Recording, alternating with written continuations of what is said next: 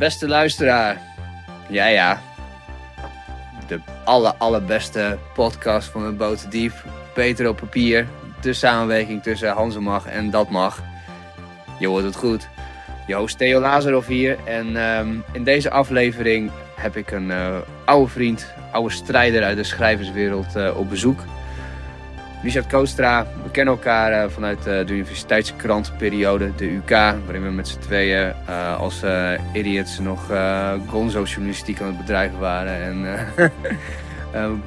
GHB aan het uitproberen waren toen nog net niet op de markt was, wat in de retrospectie misschien niet heel handig was. We hebben het over, in deze aflevering over ondernemerschap, over work harder, nobody cares.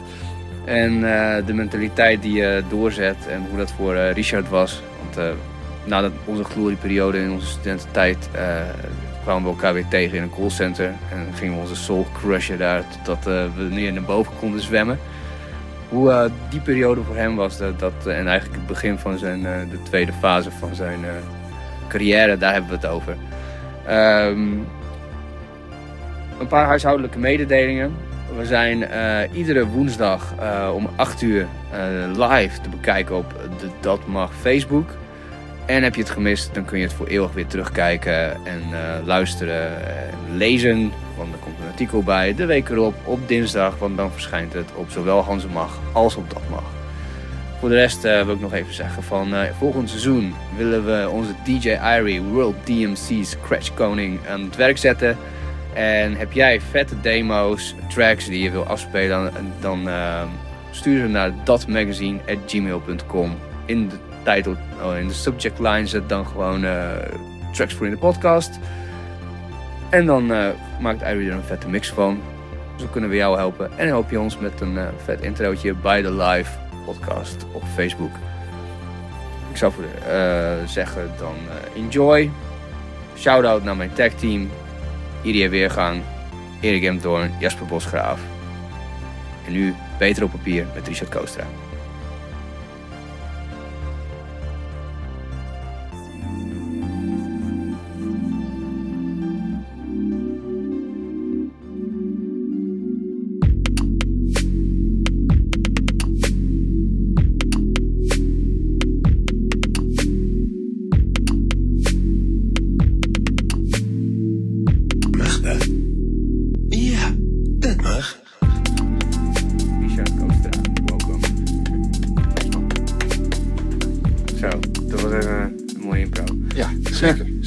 Zekers. Nou, mooi dat je er bent. Ja, vind ik ook. Allereerste podcast ooit. Goed zo. Zullen we het zien? Ja, hoe voelt het? Nu al bij de aller, allerbeste podcast van het boot Ja, dat zitten. is eh, pff, zweten. Zweten. Angst. In deze studio hier. Man, grote studio. Ja. Gruwelijk. Ja, gruwelijk. Ja. Oh, oh, oh. Echt wel. Jacuzzi om de hoek. Jacuzzi om de hoek. Ja. Ja, sowieso. Maar ehm eh, wij kennen elkaar al. Ja, ik probeer, ik probeer het vandaag nog een soort van na te gaan hoe lang we elkaar kennen. Want het is, ik denk ondertussen bijna tien jaar. ja, man. Ja, ik eh, zat er ook aan te denken. Volgens mij 2010. Ja. Ja, dus is, ja, dat is negen jaar nu. Bijna Ja. negen jaar. Want jij Ja. kwam, eh, wij zaten, ik zat bij de UK en toen kwam jij erbij. Ja, volgens mij zat jij er net een jaar, geloof ik. Iets Nee, ik zat al vanaf 2006 zat ik, zat ik erbij. Oh, fuck. Ja. Ja. Ja. ik was al oldschool. Ja. ja. ja. Nee, ik ben volgens mij in 2010 ben ik er toen aangenomen. Ja, we moeten elkaar bij onze, bij, op, het, op het tuinfeestje van onze Van oude Hanneke. hoofdredactrice, ja. Ja. Hanneke. Shout-out. Dat was een Zeker. schat van een vrouw inderdaad. Zeker. En ehm, nou ja, ik kwam dus laatst, eh, want ik, ga nog, ik werk voor de Hansemag, ja, zoals je natuurlijk, Mhm. dit is een samenwerking met Hansemag, maar ik schrijf er ook nog steeds voor. En ehm, eh, dan gaan we één keer in het jaar naar, naar de, de schrijverscongres, naar het journalistencongres. Oh, die... de eh kringcongressen van... Oh, shit, ja, ja, ja. ja, dat is er nog steeds. It's still live and kicking. Oh, wow. Ja, en ik kwam Christine tegen en nou, ja, die, die, ze hebben wel een prijs gewonnen volgens mij dit- jaar. Maar op een gegeven moment, toen was het op- bij de borrel, kwam ze op een gegeven moment naar me toe en zei ze van, ah, Theo, Davy, weet je, Davy Mhm. was er ook bij. Van, studenten tegenwoordig zijn zo braaf, zo braaf. Waar was die tijd dat jullie aan de Ritalin gingen en zelf GHB gingen maken? en ik zo, ik zo, nou... eh Christine, we hebben nooit zelf GHB gemaakt. Maar Nee. ja. En toen uh, refereerde zij naar on- de, de, de meest debiele idee ooit dat wij hadden. Ja, ja. toen was eh GHB net opkomend en wij hadden zoiets van allebei eh Hunter S. Thompson gekkies, Ja. eh, participeren in de journalistiek, laten we dat gaan doen. Ja. En eh, dat was natuurlijk wel, dat was 2011? Dat was 2010, 2011 zoiets. hè? ja, maar dat was natuurlijk wel, toen was het net, Net al. opkomend. Ja, er werd net een En- beetje gewoon gezegd van je kunt het met je eigen schoor, eh, schoorsteen ontstoppen maken. Ja, maar goed, nu zijn alle onderzoeken er wel een beetje over uit dat het Ja, fucking verslavend Fucking is. En, shit, ja. Dat is net Ja. zoiets dat, dat, je, dat je kind laat zegt, eh, open deer heroin. ja, ja. ja, maar goed, dat, eh, ik, ik, ik kan me niet meer herinneren wat, wat het gevolg was. Maar eh, volgens mij was het, eh, was het, nou, het was gewoon een gez- een gezellig houden, maar niet per se daardoor of zo. Ze hebben toen, Nee, met veel mensen, ze hebben toen bij mij... wees, de- wees stappen daarna. En, ja, niemand oud gegaan. Nee, nee, maar volgens mij hebben we ook gewoon veel te weinig en veel te laat. Ja, ja, ja. Het moest allemaal Dat, heel, eh, heel voorzichtig ja, zijn. man, super voorzichtig met die dopjes en doodsbenauwd dat je natuurlijk gewoon... Ja, ja, ja. Dus, eh, Ja, ja. klopt. Maar goed, volgens mij, ik heb het nagezocht en ik denk eh, oprecht dat dat de allereerste reportage was waarin het door de, door de journalist zelf gedaan werd. Volgens mij ook, ja. Ja. Gewoon een landelijke primeur, man. Ja, precies. Ja, super tof. En daarna, ehm, nou, vol- volgens mij was dat wel, eh, toen, hadden we wel zoiets van, nou, dit, als we dit kunnen doen, dan, eh, we great minds think alike. Precies. Ja. Maar hou je tegenwoordig mee bezig? Oh, met, eh, met heel veel. Ik hou mezelf van de straat. Ik, ik schrijf voor Founders in Groningen. Ik schrijf artikelen over ondernemerschap en innovatief in ondernemerschap in Groningen. Super tof om te doen. En dat doe ik nu al bijna drie jaar. Of drie jaar al geloof ik.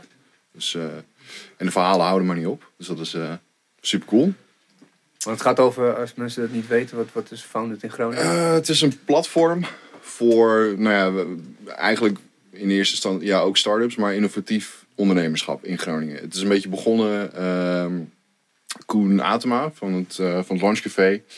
Die, volgens mij was Nelly Kroes was een keer in Groningen. En die was eigenlijk heel erg onder de indruk van, eh, van wat er gebeurde. Zij was daar onder de mom van Startup Delta, dat is zo'n landelijk overkoepelend orgaan zeg maar, voor start-ups. Dus dat van, oh, er gebeurt hier echt fucking veel. Alleen niemand weet het, want Groningse nuchterheid, weet je wel. Ja. Niemand, niemand lult erover. En dat, dat, dat gaf ze dus aan, van dat is een van de dingen. Van ja, dit moet meer eh, geroepen worden. En Groningen moet wat dat betreft gewoon meer op de kaart gezet worden. En eh, ja, weet je, niet het ondergeschoven kindje. Want Groningen is nu ook start-up stad nummer twee zo'n beetje van, eh, van Nederland. Oh, echt waar? Wat Ja. sick. Ja. ja. Want wat, zijn, wat, wat voor eh start-ups ben je een beetje tegengekomen? Want je schrijft al die verhalen. Wat is, eh, wat, wat is jou blijf, bij jou blijven hangen van het afgelopen jaar? Dat je denkt van wow, dat is echt wel vet. Vet shit. Ja. Even kijken van afgelopen jaar. Ik vond EV Biotech vond ik heel tof. Dat is, die zijn eigenlijk net begonnen. Eh, en die maken op basis van, even kijken, eh, nou ja, bacteriën die, heel simpel gezegd, die, eh, die kunnen stofjes uitkakken. Ja. Dan kun je gewoon, dat kunnen grondstoffen worden voor industriële producten, bijvoorbeeld vanille. En ze kunnen dus gewoon met nou ja, kleincellige bacteriën kunnen ze een soort fabriekjes maken. Dus door ze allemaal in een grote tank. en dan kun je dus gewoon bijvoorbeeld vanille produceren, wat anders veel duurder en kostbaarder en veel milieuonvriendelijker is om eh, te produceren. ja, dus dat is heel cool. Ik even te denken. eh jezus, zoveel verhalen. Eh, nou ja, ik heb zelf natuurlijk ook voor Cordify gewerkt. ja. Dus dat is ook super tof. Gewoon een bedrijf in Groningen en Utrecht dan. Die gewoon En Austin, internationaal- Texas zeg ik altijd bij. Ja, en Austin, Texas inderdaad. Die gewoon echt gewoon internationaal wel gewoon echt gewoon lekker aan de weg timmeren. Ja. Ik vind Hacker One vind ik ook een vet goed voorbeeld. Zo'n twee live van de Hansen. Ja. Die gewoon nu even gewoon lekker in eh, nou ja, Silicon Valley eh, zitten. En een fucking groot bedrijf daar eh, hebben Wat doen ze dan precies? Ze hacken gewoon bedrijven om te laten zien waar, de, waar, de, waar hun gaat lekker zit of zo? Of is Ja. Het... Ja, nou ja, ze hebben, het is een soort platform waarbij, waarbij dus bedrijven kunnen aangeven van, yo, eh hack ons voor een bounty. Dus zo van, hier staat dan, laten we zeggen, 20.000 dollar tegenover als je een beveiligingsgat kunt vinden. En iedereen kan zich aanmelden voor dat platform. En dan kun je dus gewoon nou via dat platform gewoon als hacker gewoon geld verdienen. Op een ethische manier. Ja. Dus dat is een beetje het eh, idee achter. eh, ze, ze hebben echt volgens mij. Ze werken echt voor Microsoft en eh, het Amerikaanse ministerie van Defensie en noem maar op. Het is echt Sick, jongen. What the fuck, joh. Dat komt allemaal uit Groningen. Gewoon. ja, zeker. Ja. Ja. Ja, zo zijn er echt nog talloze voorbeelden te noemen. Ja, ik moet trouwens nog mijn excuses aanbieden voor, eh, voor de 1 april grap. Dat had ik al gedaan misschien. Van Codify. maar daarom, als ik nu Oh, hoor wat voor verhalen... eh, ja. ja, als ik nu hoor wat voor verhalen jij, jij Ja. uit je vingers krijgt... Dan, dan geloof ik ook wel dat, dat het verhaal dat er een zelfspelende gitaarnek eh, Ja. was... Dat het helemaal niet zo heel raar Nee, nee, nee, nee, nee, precies. Ja. Nee. Ja, dat had eh, Music Maker ook nog wel mee, eh mee, mee geholpen. Ja, dat was, eh, ja, André inderdaad. Ja. ja. Ik zag ook al, want ik, ik vond het al raar, maar ik zag André's naam erbij staan. Ik dacht van, nou, oké, cool. dat, Ja, als hij het ook zegt, nou, zo wel. Ja, ja, dat was ook echt... eh, mooi. Ik heb ook Matthijs Zorgdrager ook wel gelijk eh Mm. uit Hij appte hem ook zo van, dit is een 1 april grap, toch? Ik zo, nee, nee, dat is geen 1 april grap. Hij zei van, ja, ja, oké, maar dit stukje dan. En dan stond er zo van, ja, zelfs als je ziek bent, kun je hier gewoon eh, blijven spelen. Zeg maar. Dan hoef je, dan hoef je niet ziek te melden als gitarist, want dan kun je dat ding gewoon daar neerzetten. Ja, ik had al een beetje zo van, oké, oké, oké. Ik geloof Ja. het wel, ja. Ja. Nou, niemand, niemand gelooft ons vanaf nu. Nee, nee, nee, nee, nooit weer. Nooit weer. Nee, nee. Nooit weer. Ja, we hebben echt een, eh, een, eh, een app die stemt alle zes snaren tegelijk. Tuurlijk. nee, echt zo. Daar zijn ze mee bezig, toch? Nee, die is af. Die Kerrang. is- Ah, oké, cool. Ja. Ja. Ja, die heet, weet je waarom die Kerrang heet? Onder het blad. Oh. Ja. Geen gezeik met het blad dan? Hm? Dat is ook een muziekblad, toch? Dat Kerrang heet. Is dat zo? Volgens mij wel, ja. Oeh. Pam, pam, Pam, pam. pam, pam. 2 miljoen kijkers. Ja. Holy fuck. Ja. Nee, nee, nee. Maar ehm, hoe, hoe ben je trouwens bij Cordify ooit terechtgekomen?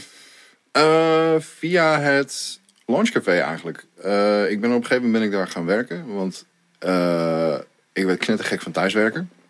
Je zit dan de hele dag in je eentje. En eh, ja, verwildert een beetje. Weet je, op dagen dat het, dat druk is, dan is de enige, het enige menselijk contact bijvoorbeeld met de cashier van de Albert Heijn.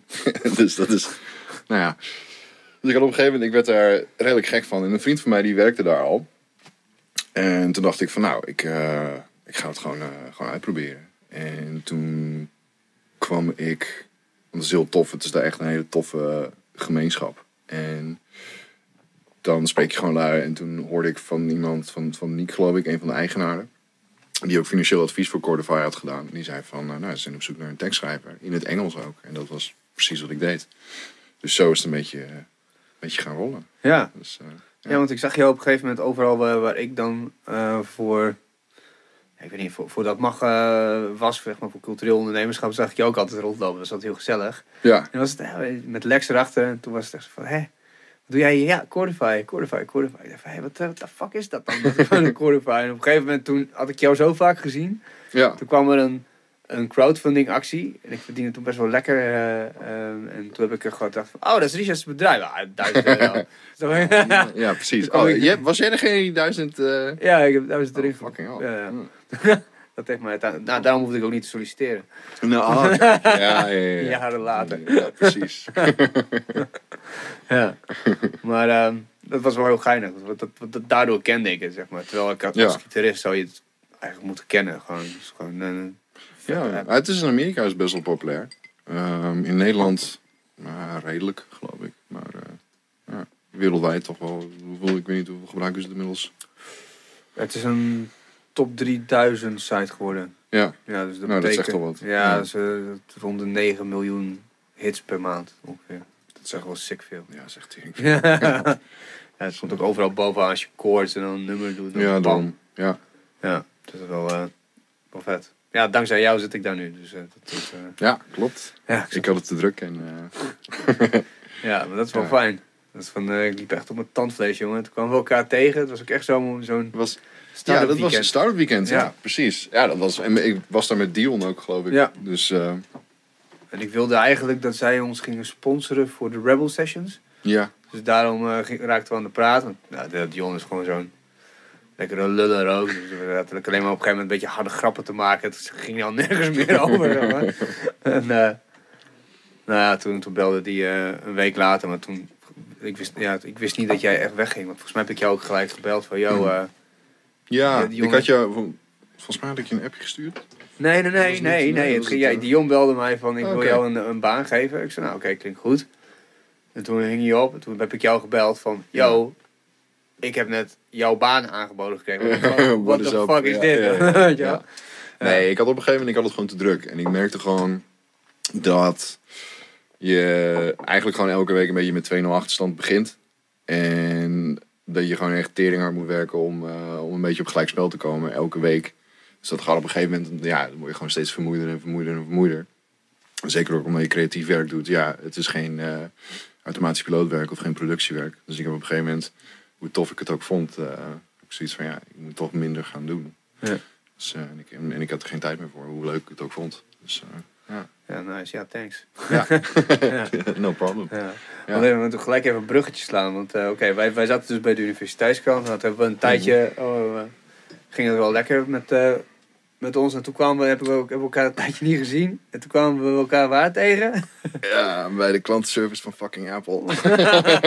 Wauw. ja, nee, daarvoor hadden we ook nog NL50. Ja, ja, dat ging Ja. een tijdje wel lekker. Ja, dat ging heel goed. Dat Ja. was vlak voordat de recessie er zeg maar in knalde. Ja, en klopt. gewoon en alle... 50. Oh, shout-out Vera Verzeil. Ja, dat Ja, ja, zit nu bij Pound.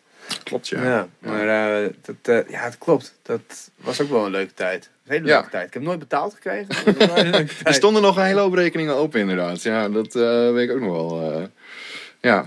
Dus, Potverdorie. eh, Vera maar iedere keer op, je moet factureren. Ik zei van, ja, ja, ja. Weet ja, je, en toen ging de boel failliet en dan sta je als laatste in de rij inderdaad. Ja, Eh, ik heb volgens mij jaren later nog een brief gekregen van NL50. Van eh, de, eh, de, hoe heet het, hoe heet die man die de, die eh, zondags het vlees snijdt? Nee, de, die hoofdredacteur? nee, niet de hoofdredacteur. als ze faillissement verklaren. Oh, de... Curator. Ja. Krijg je dan een, een, kreeg ik een brief dat, dat, hem niet meer werd. Ja, ik heb En nooit drie jaar later of zo. Ja. Ja. Maar goed, er staat als ZZP'er sta je achteraan in de rij dan. eh, Ja.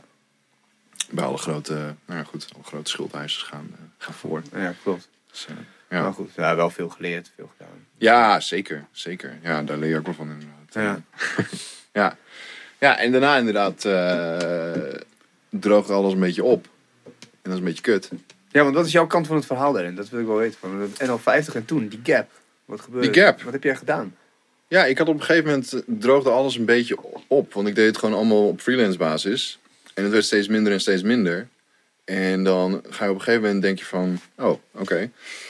Dat, is, eh, dat is lastig rondkomen dan.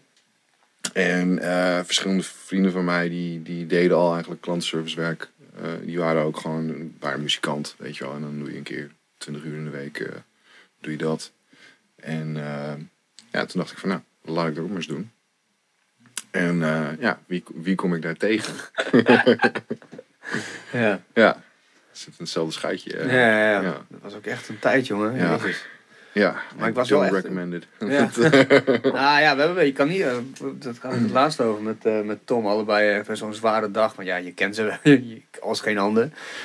Dat eigenlijk, eigenlijk heb je jouw shit af en moet je nog iets heel kleins doen. Maar dan komt er een soort van lawine van staartjes op je af, zeg maar, die dan snel afgehandeld moeten worden. Van, je- van callcenterwerk bedoel je? Of, Nee, eh, nee, nee. werk? Gewoon van, van, van, on- ons werk nu, zeg maar, hoe we dat doen. Oh ja, ja, Ja. dat is gewoon zo'n deadline clusterfuck Ja, inderdaad. precies. Eh, dus op een eh, gegeven moment zaten we allebei zo snel iets te fixen. En toen, eh, toen zei Tom zo van... eh, ja, als we straks later eh, eh, miljonair zijn... kunnen ze niet zeggen dat we er niet hard voor gewerkt hebben. Nee, zeker, dat was zeker. met die, met die callcenterbaan net zo, zeg maar. Oh man, dat is wel echt de beste, beste motivatie om gewoon keihard te werken. Het is gewoon nooit meer dat. Het Ja. is gewoon echt, als iets zieldodend werk is, dan, eh, dan is het dat wel. Ja, respect voor iedereen die dan nog gebleven is. Want Ja, ik kom nog wel echt eh, oud-collega's tegen. Nou, Dat, ja, die, die, volgens mij hebben ze me meestal naar, naar hun zin hoor. Maar Ja, die zijn wel doorgegroeid in het bedrijf. Maar ik kan, ik kan me ook echt niet voorstellen, zeg maar. Echt niet. ja. Nee. Ja, dat was. eh, dat, dat, ik, ja, wat jij zegt, nooit meer dat. Tom zegt ook wel eens dat hij, dat hij nog wel eens van droomt dat hij op Tele 2 op de vloer staat. Baard in het zweet. Baard in het zweet wakker worden. Oh man, ja, dat snap ik wel. Ja, ja. Nee, ja, het is meestal... Ja, het gewoon, ik denk, het is acht van de tien gesprekken. En dan is het of dat gewoon een zak stront behandeld wordt. eh, of ja, lui die... Ja, dat je gewoon dat je je afvraagt van hoe, hoe overleef jij in het dagelijks leven, weet je wel? Dat is gewoon... eh, en dan hebben we het niet eens over gewoon oude mensen die gewoon absoluut niet technisch zijn en gewoon hulp nodig hebben. Maar gewoon lui dat je denkt van, holy fuck. Dat, eh, ik, kan, me- ik kan me nog eentje herinneren, dat die, die, die belde dat ze geen diamantjes meer kon kopen.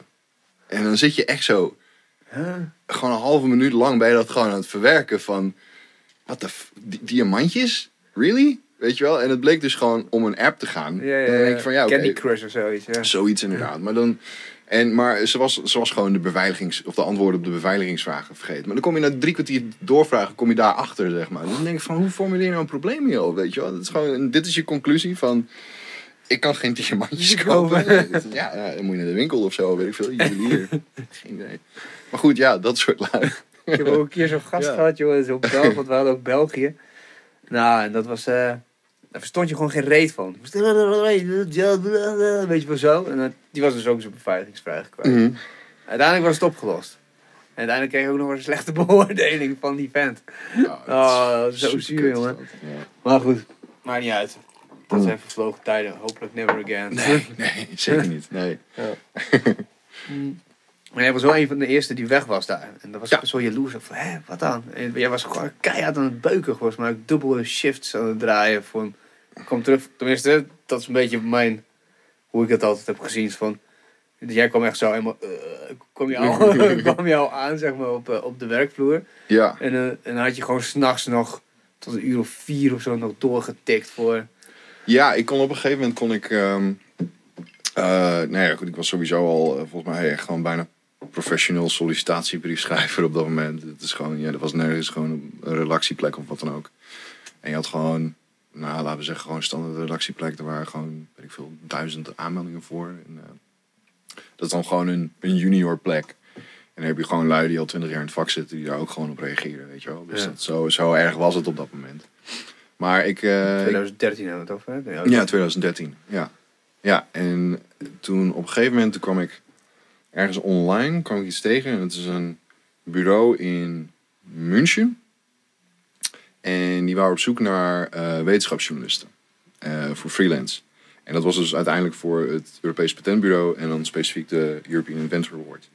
En ik had daar shit opgestuurd en ik kreeg, eh, ik kreeg een mail terug van, oh tof. En eh, we zijn bezig met een heel groot project. En eh, dat was dus dat.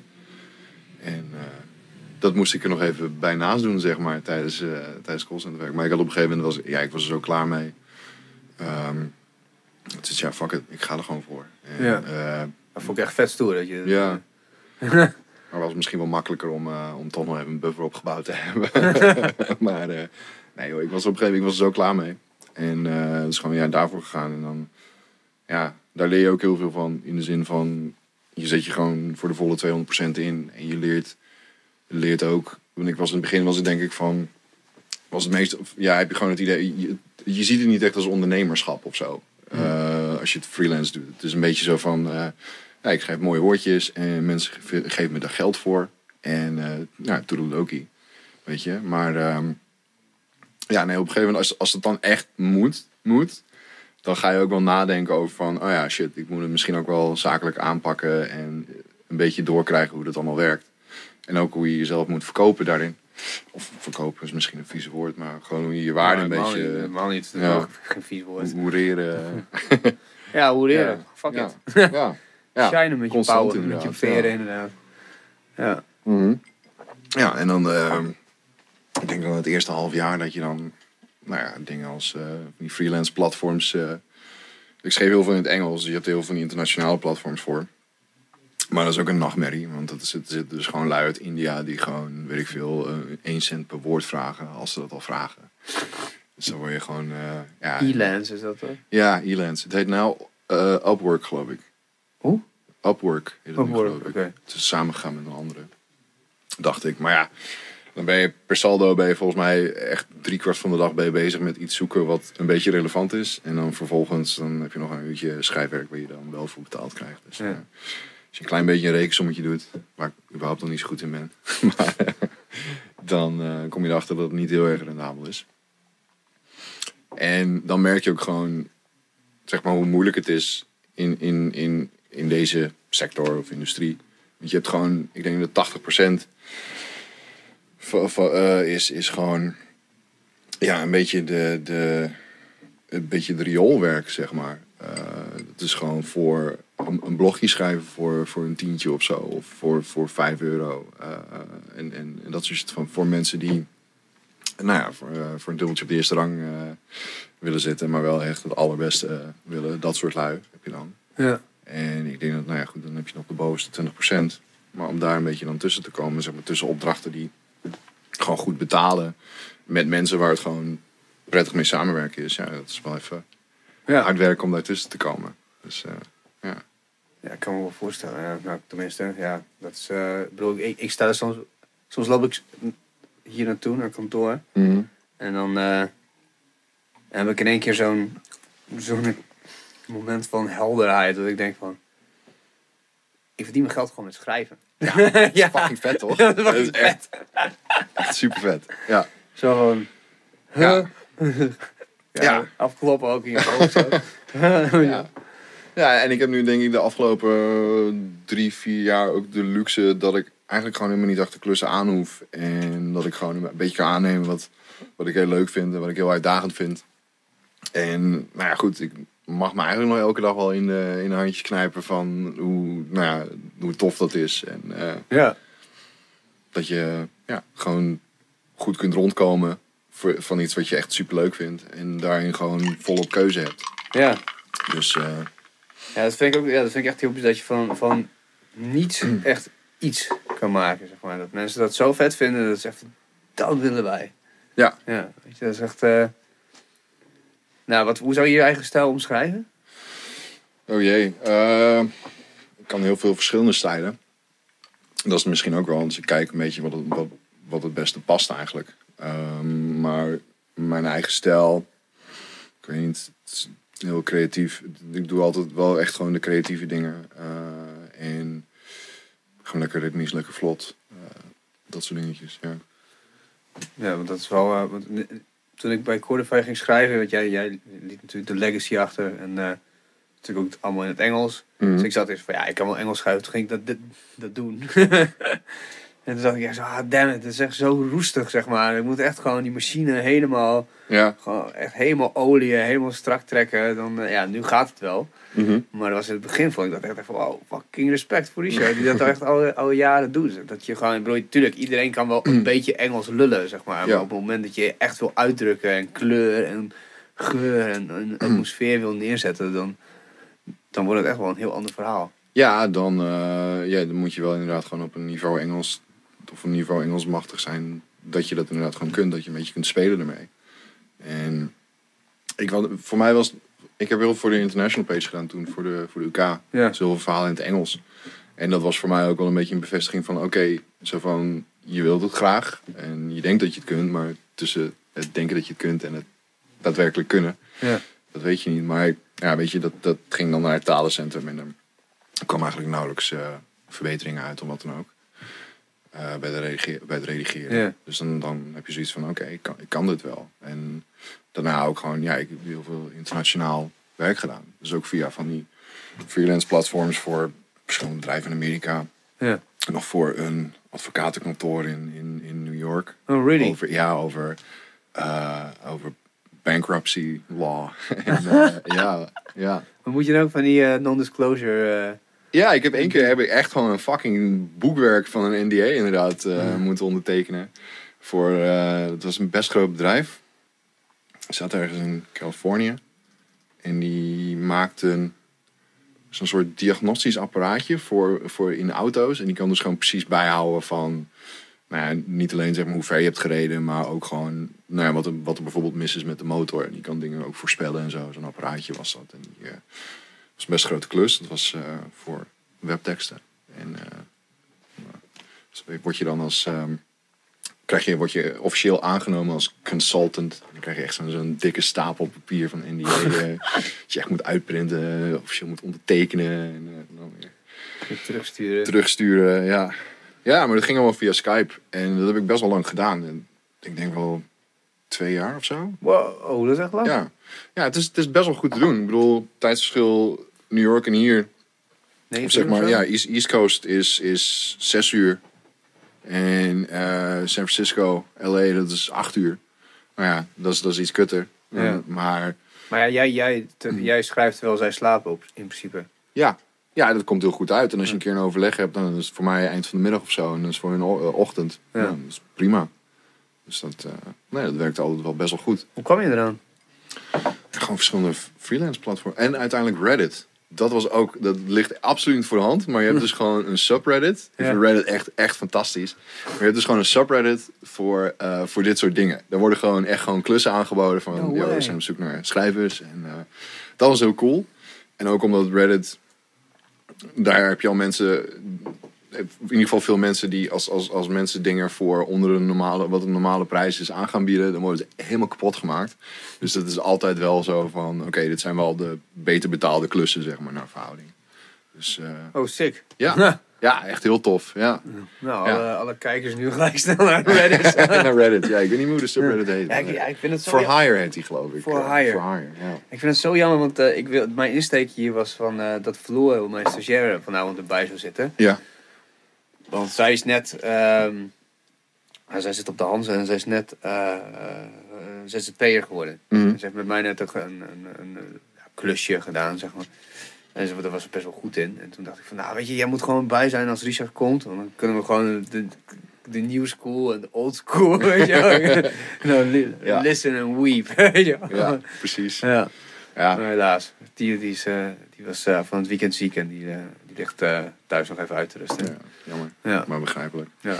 Maar goed, weet je, wij, de, de echt old school days of journalism, dat hebben wij ook niet meer meegemaakt. Nee man, Dat, als je eh, die, eh, de, de Run Diaries leest van, van Hunter Thompson, dat ze echt gewoon Ja. geen reet aan het doen zijn. Nee, of, god, wat is zo'n zo, zo'n guy die ik sprak, die, die volgens mij eind jaren 90, begin 2000, volgens mij werkte die voor Oor. Ja. En dat was echt zo van, oh, die en die interview. Ah ja, nee, prima, heb je hier vliegticket naar Londen. En eh, prima, dat, eh, dat kon allemaal, weet Ja. je wel. En, en ja, bladen hadden gewoon nog, nog gewoon veel geld, veel budget. En toen, eh, toen kwam het internet. en toen, ja, daar gingen wel advertentieinkomsten. Ja, want dat is ook ehm, een, een vriend van mij, Harjan, die, ehm, die ging ook nog een keer naast de popacademie nog filmschool doen in Amsterdam. Ja, filmopleiding. En eh, die zat dus in de klas met een eh, dude die dat voor de, voor de lol deed. Want die had toch wel genoeg monies. Want die was, eh, had gewerkt voor... wat deed voor de lol? gewoon die filmopleiding. Maken. Oké. Nee, postbode zijn nou. Nee, nee, nee. nee. Ja, postbode, ja. Ja, nee. nee die deed ook die filmopleiding voor de lol erbij. En, Ja. Maar die was... eh, oh, New York Times, denk ik. Nee, of gewoon... Nee, of, ja, weet ik, Fin- Financieel Dagblad. Ja. had hij bij gewerkt en dan zat hij gewoon in Tokio. En eh dan schreef hij gewoon per dag eh, iets van 300 woorden of zo, of 500 woorden. En eh, nou, dan, kreeg, dan verdiende hij echt bakken met geld. gewoon. Ja, zeker. Ja, man, dat is gewoon. Ja, die grote bladen zijn nog steeds, geloof ik, een dollar per woord of zo. Yo, Ja, dan tikt zo'n long read wel lekker aan. Ja. ja. Wat bedoel je? Ja, Ja. Dat, dat, dat, dat, ja inderdaad, dat, dat hebben we helemaal niet meegekregen. Dus, Nee. eh, soms denk ik, nee, wij, wij zaten toen het schip al eh, goed aan het zinken was. en eh, dan dachten wij ja. nog van, nou, hoppa. Where's the captain? I'm Ja. taking over. 10 cent per woord, vet veel. ja, win, win, winning. Ja. Ah, UK was best wel oké, toch? Wel ook wel gedaan? 13 cent per woord? Eh, Ja, was dat niet? Ja, 13, Ja, 15, 15 voor, Voor. voor A-tarief. dat Ja. Ja. Dat zou nu ook niet meer. Ja, jongens, als jullie van de UK kijken, dat Ja. zou vast niet meer zijn. Ja. ja, maar het is. ehm, ik denk voor. De, het moment dat ik mezelf echt eh, onderne ondernemer ging noemen, was. Dat ik op een gegeven moment dacht eh, van ja, ik ben toch wel echt aan het hustelen de hele tijd of zo. Van Ja. eh, nou, dagblad en toen op een gegeven moment Hanze kreeg ik dan via via. Nou, Hanze, Chris kende, kende ik al via zo'n kringcongres. Ja. Hadden we al, eh, toen wij nog bij de UK zaten, had ik nog met hem uh, tijdens zo'n congres met Davy lopen chillen. En, Mm. en eh, Dat is een vet congres trouwens. eh. ja, ja. ja maar dan, eh, dat Mooie- was het. Mooie verhalen. Nou, dat was dit jaar ook weer fantastisch, jongen. Dat was echt... eh, nou, dan, dan heb je dus van die oude lullen dan. Die gaan eh, een beetje vertellen hoe het... nou ja, ze, ze hadden het wel echt heel goed gedaan, vond ik. Want je had echt een... Een man een, eh, die, die echt eh, pleitte voor eh, lezen van papier. Ja. Ik denk van, nou is dat niet een keertje uitgeput? Nou, nee. Want hij had het echt wel gewoon nou, goede stats en nou, vanuit psychologisch oogpunt. Mhm. Hij legde ook uit van ja, wij mensen zijn heel goed in analyseren van patronen. We zijn heel goed in eh, sociale omgangen eh, Mhm. meten, zeg maar. Zo Van, wat kan ik wel doen, wat kan ik niet doen. Waar we niet goed in zijn is eh, reeksen onthouden. En logisch, logisch nadenken, zeg maar. Ja, ja. Dat is eigenlijk alles waar je voor moet studeren. Ja. Begrijp ik Ja. soms ook hoor. Maar, maar hij- hij zei van ja, het beste blijkt toch altijd nog dat op het moment dat jij fysiek contact hebt met een boek, ja. dat, dat er zoveel sensoren aangaan dat je, dat je toch alles beter onthoudt. En eh, ook boeken in de kast en zo, dat je dan, er waren technieken voor. Dan kan je dus ehm, een, een reeks van, nou misschien wel eh, twintig cijfers kun je onthouden. Door, eh op woorden, 20 woorden kun je onthouden als je gewoon in één keer visualiseert dat elk woord Ja, als je er een absurd verhaaltje. Ik weet, ik, dat had ik vroeger toen ik. ehm volgens mij was ik tien of elf of zo. Ja. En je had toen overdag had je die, die telcel eh shizzle, weet je wel? Gewoon Ja. die, daytime TV. En volgens mij had ik toen. Je, je had zo'n. Dat was Mega Memory, heette dat. En ehm, dat vond ik zo fucking cool als klein jochie. Ik had zoiets van, ah, dat wil ik ook, weet je wel. En dat heb ik toen van fucking Telcel, volgens mij voor mijn verjaardag of zo, heb ik dat gekregen. Dat is gewoon zo'n dik ding met al van die cassettebandjes, weet je wel. En, maar je zou verwachten dat het gewoon allemaal gewoon niet waar was. Of gewoon echt een dikke scam. Maar dat Ja. was het dus totaal niet. Oké. Dat is echt, ik kon op een gegeven moment kon ik gewoon, geef mij 20, 20 woorden en ik kon ze gewoon direct herhalen van voren naar achteren. En eh, ja, dat was echt heel tof. Wat is de truc dan? Ja, de truc is dus dat je ehm, dingen eh, gewoon heel associatief bezig gaat. En, en hoe debieler, hoe beter eigenlijk. Want ja, hoe, meer, hoe absurder het is, hoe beter je het onthoudt. Dus als je gewoon bijvoorbeeld, nou, je, je hebt een lijstje van 20 dingen. Je hebt bij het getal 1 heb je al een raar, een rare associatie. En dan eh, het woord wat erbij komt, daar maak je een klein verhaaltje van in je hoofd. Want mensen kunnen heel goed verhaaltjes onthouden. Ja. En nou hoe absurder, hoe beter ook nog. Dus dan kun je gewoon in je hoofd dat super makkelijk onthouden. Het is eigenlijk wel jammer dat ik het nooit heb doorgezet. eh. Dat is echt Dat, jammer. eh, ja, Ja, want, want zij hebben, eh, wat, wat hij uitlegt is eigenlijk precies hetzelfde, maar dan, dan dat je elk, dat je, dat je je huis voorstelt en dan... dat oh ja, je- gewoon zo'n memory palace. Ja. Of, eh, Ja, ja. dat je door, door de gang loopt en de kast aan de rechterkant, dat is dat woord. En aan de linkerkant is dat. En dan zo de treden. En ja. dat je daarin neerzet, zeg maar. man. Deden de oude Grieken al. eh, ja man, gewoon die fucking lange speeches van drie, vier uur lang. eh kon je gewoon, eh kon op die manier. What the fuckers. ja, vet shit. Ja, Ja, Cicero. super interessant. Ja, Cicero onder Ja. andere, ja, zeker. Ja. Badass motherfucker. Ja, man. een tijdje geleden, die, ehm, het is een trilogie. Het zijn echt drie van die fucking dikke boeken van, eh, over Cicero. Van Robert Harris, geloof ik. Dat kan. Het is heel cool. Het is heel cool. Robert Harris, is dat niet zo'n eh, eh, onderzoeker van... Nee, nee, nee, hij is gewoon schrijver. Ehm, en hij is niet... Is het Robert Harris? Ik haal hem, er, is, er zijn twee die Harris. E- Eentje, eentje is ook Harris en die is van Silence of the Lambs, geloof ik. Die, eh, Nee. Hannibal Shizzle. Dat is ook een Harris. Maar volgens mij is het Robert Harris. Volgens mij heb je, volgens mij heb je nog een Robert Harris, die dat is de eerste man die ooit met eh psilocybine in een MRI-scanner is gekropen. Oh. Common name, I guess. Ja. Dat, eh, Ander, ander onderwerp, maar dat... ja, ja. Tof. ja, ja, ja. Ja. ja want Ja. je hebt dat gelezen dus, van Cicero? Ja, ja het, is gewoon, het zijn gewoon drie romans en het gaat gewoon over zijn leven en dan de hele ondergang van de Romeinse Republiek. En eh, het is echt fucking vet gedaan. Cool. Eh, ja, mooie boeken. Ja, want, je, ja, want als we even terug, eh terug gaan. Jij bent eigenlijk archeoloog. Ik heb dit een blauwe maandag gedaan. Ja. Nee, ik ben eigenlijk begonnen met KCM, kunst, cultuur en media. Ja. En toen had ik, deed ik film en literatuur. En het was op zich wel tof, maar het begon, je hebt ook KCM gedaan, toch? Ja, ja, ja, ja. Ja. Het begon op een gegeven moment begon het allemaal echt super abstract allemaal te worden. Ja, En eh, lekker eh, postmodernistisch. ja. En ik, ik had zoiets van, ja, ik wil eigenlijk gewoon iets doen wat tastbaar of wat tastbaarder is of zo. Je voelt je bijna schuldig, zeg maar. Dat je gewoon, van, doe ik dit nou? Ehm, en toen dacht ik, ik zat eerst aan kunstgeschiedenis te denken, leek me ook heel cool. En, maar toen dacht ik van, oh, archeologie, weet je. En dan ging gewoon echt gewoon in mijn achterhoofd. heb ik Gewoon het kleine jochie, weet je. Ja, exact, weet je wel. Indiana Jones, oké. Belongs in the museum. Ja, inderdaad. Ja, ja. Achtervolgd door nazi's. Hate those guys. Ja. Eh, maar ja, nee, dat. En, maar dat, dat, dat was, was heel concreet en tastbaar, maar iets te. Het was, voor mij was het te stoffig. ja. Dus ehm, ja, en ik denk dat je gewoon, ja, als je gewoon eh, iets uit de grond graaft en, en je krijgt er keer op keer een harde plas ervan. Dan, dan is het denk ik super awesome. Eh, maar op een gegeven moment dan, dan, dan bent dat. Weet je wel. En dan denk je, ja, ik sta hier een beetje in een kuil. En eh, ja, dit, Weer dit, scherp. dit- ja, zo- ja, is- ja, nou, dat gaat in dit zakje, weet je wel. En dan zo, nou, dat, dat doe je dan de hele dag. Dus ehm, nee, ja, ik bedoel, is nu, ja, ik denk dat het voor heel veel mensen het heel tof is. Voor, voor mij was het gewoon te stoffig. ja. Dus, eh, Je hebt het afgemaakt, toch? Of niet? Nee. Nee? Nee. Oh, dan zal het in mijn hoofd blijven hangen, weet je. Oh nee, je hebt verteld dat je op een stage was in, eh in zo'n... In, in Italië? Ja. ja, ja, zeker. Ja, Ja. ja. Ja, ja, Gewoon eh, door de omgeploegde akkertjes, eh, scherfjes eh, zoeken. oprapen, ja. Dan waren eh, Griekse, oude Griekse koloniesteden daar in de buurt. Het was eentje. En dan kon je dus gewoon op basis van scherven... kon je een beetje bewoningsverspreiding eh, herleiden. Dus zeg maar waar mensen wonen, waar ze hun boerderijtjes, et cetera hadden. Want elke keer als gewoon... Ik bedoel, die akkers zijn nog steeds in gebruik. En elke keer als zo'n ding omgeploegd wordt, dan komt die shit allemaal naar boven.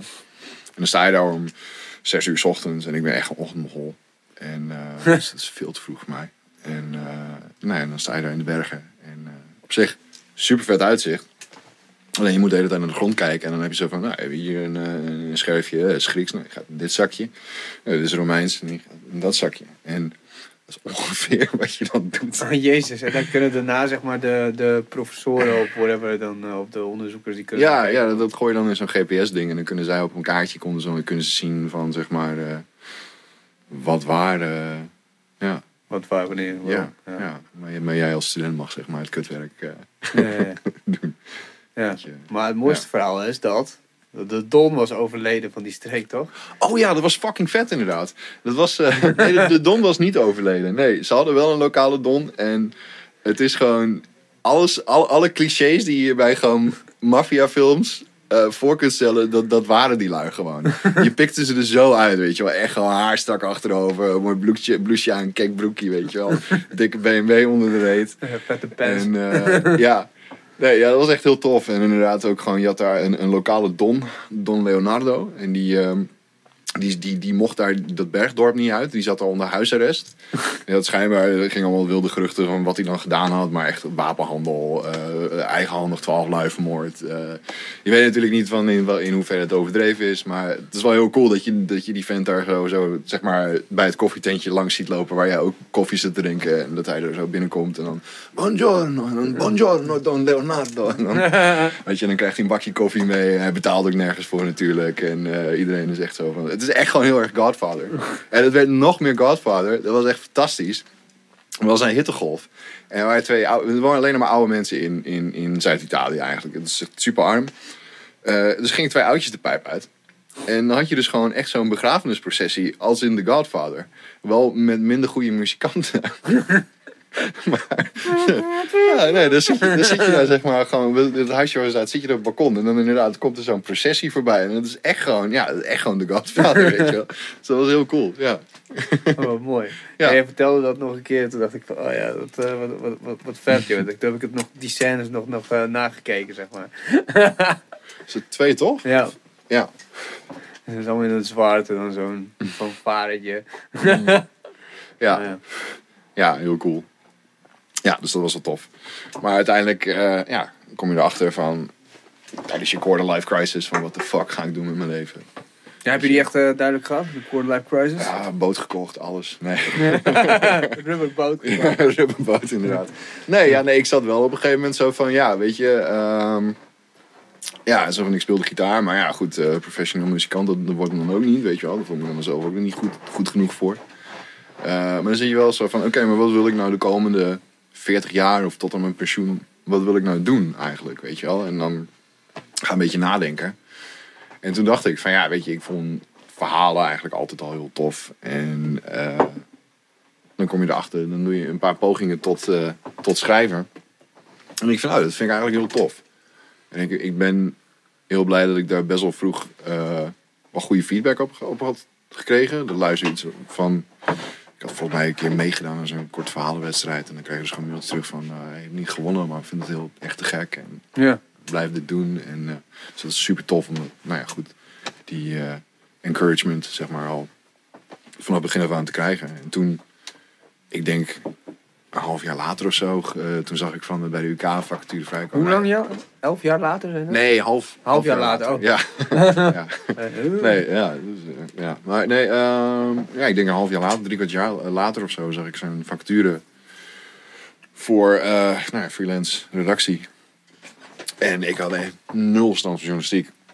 Maar toch gesolliciteerd en wat dingetjes meegestuurd. En ze vonden het cool, hoe ik schreef. En met de instelling van de rest leerden we wel. En dat heb ik daar ook wel echt geleerd. Ja, dus wel de Hans echt, eh, als de UK zijn daar echt per Mm. ideale Het zijn goede... leerscholen. Want het is ook echt, het is echt zoals het werk is in het eh, zo van. Ja.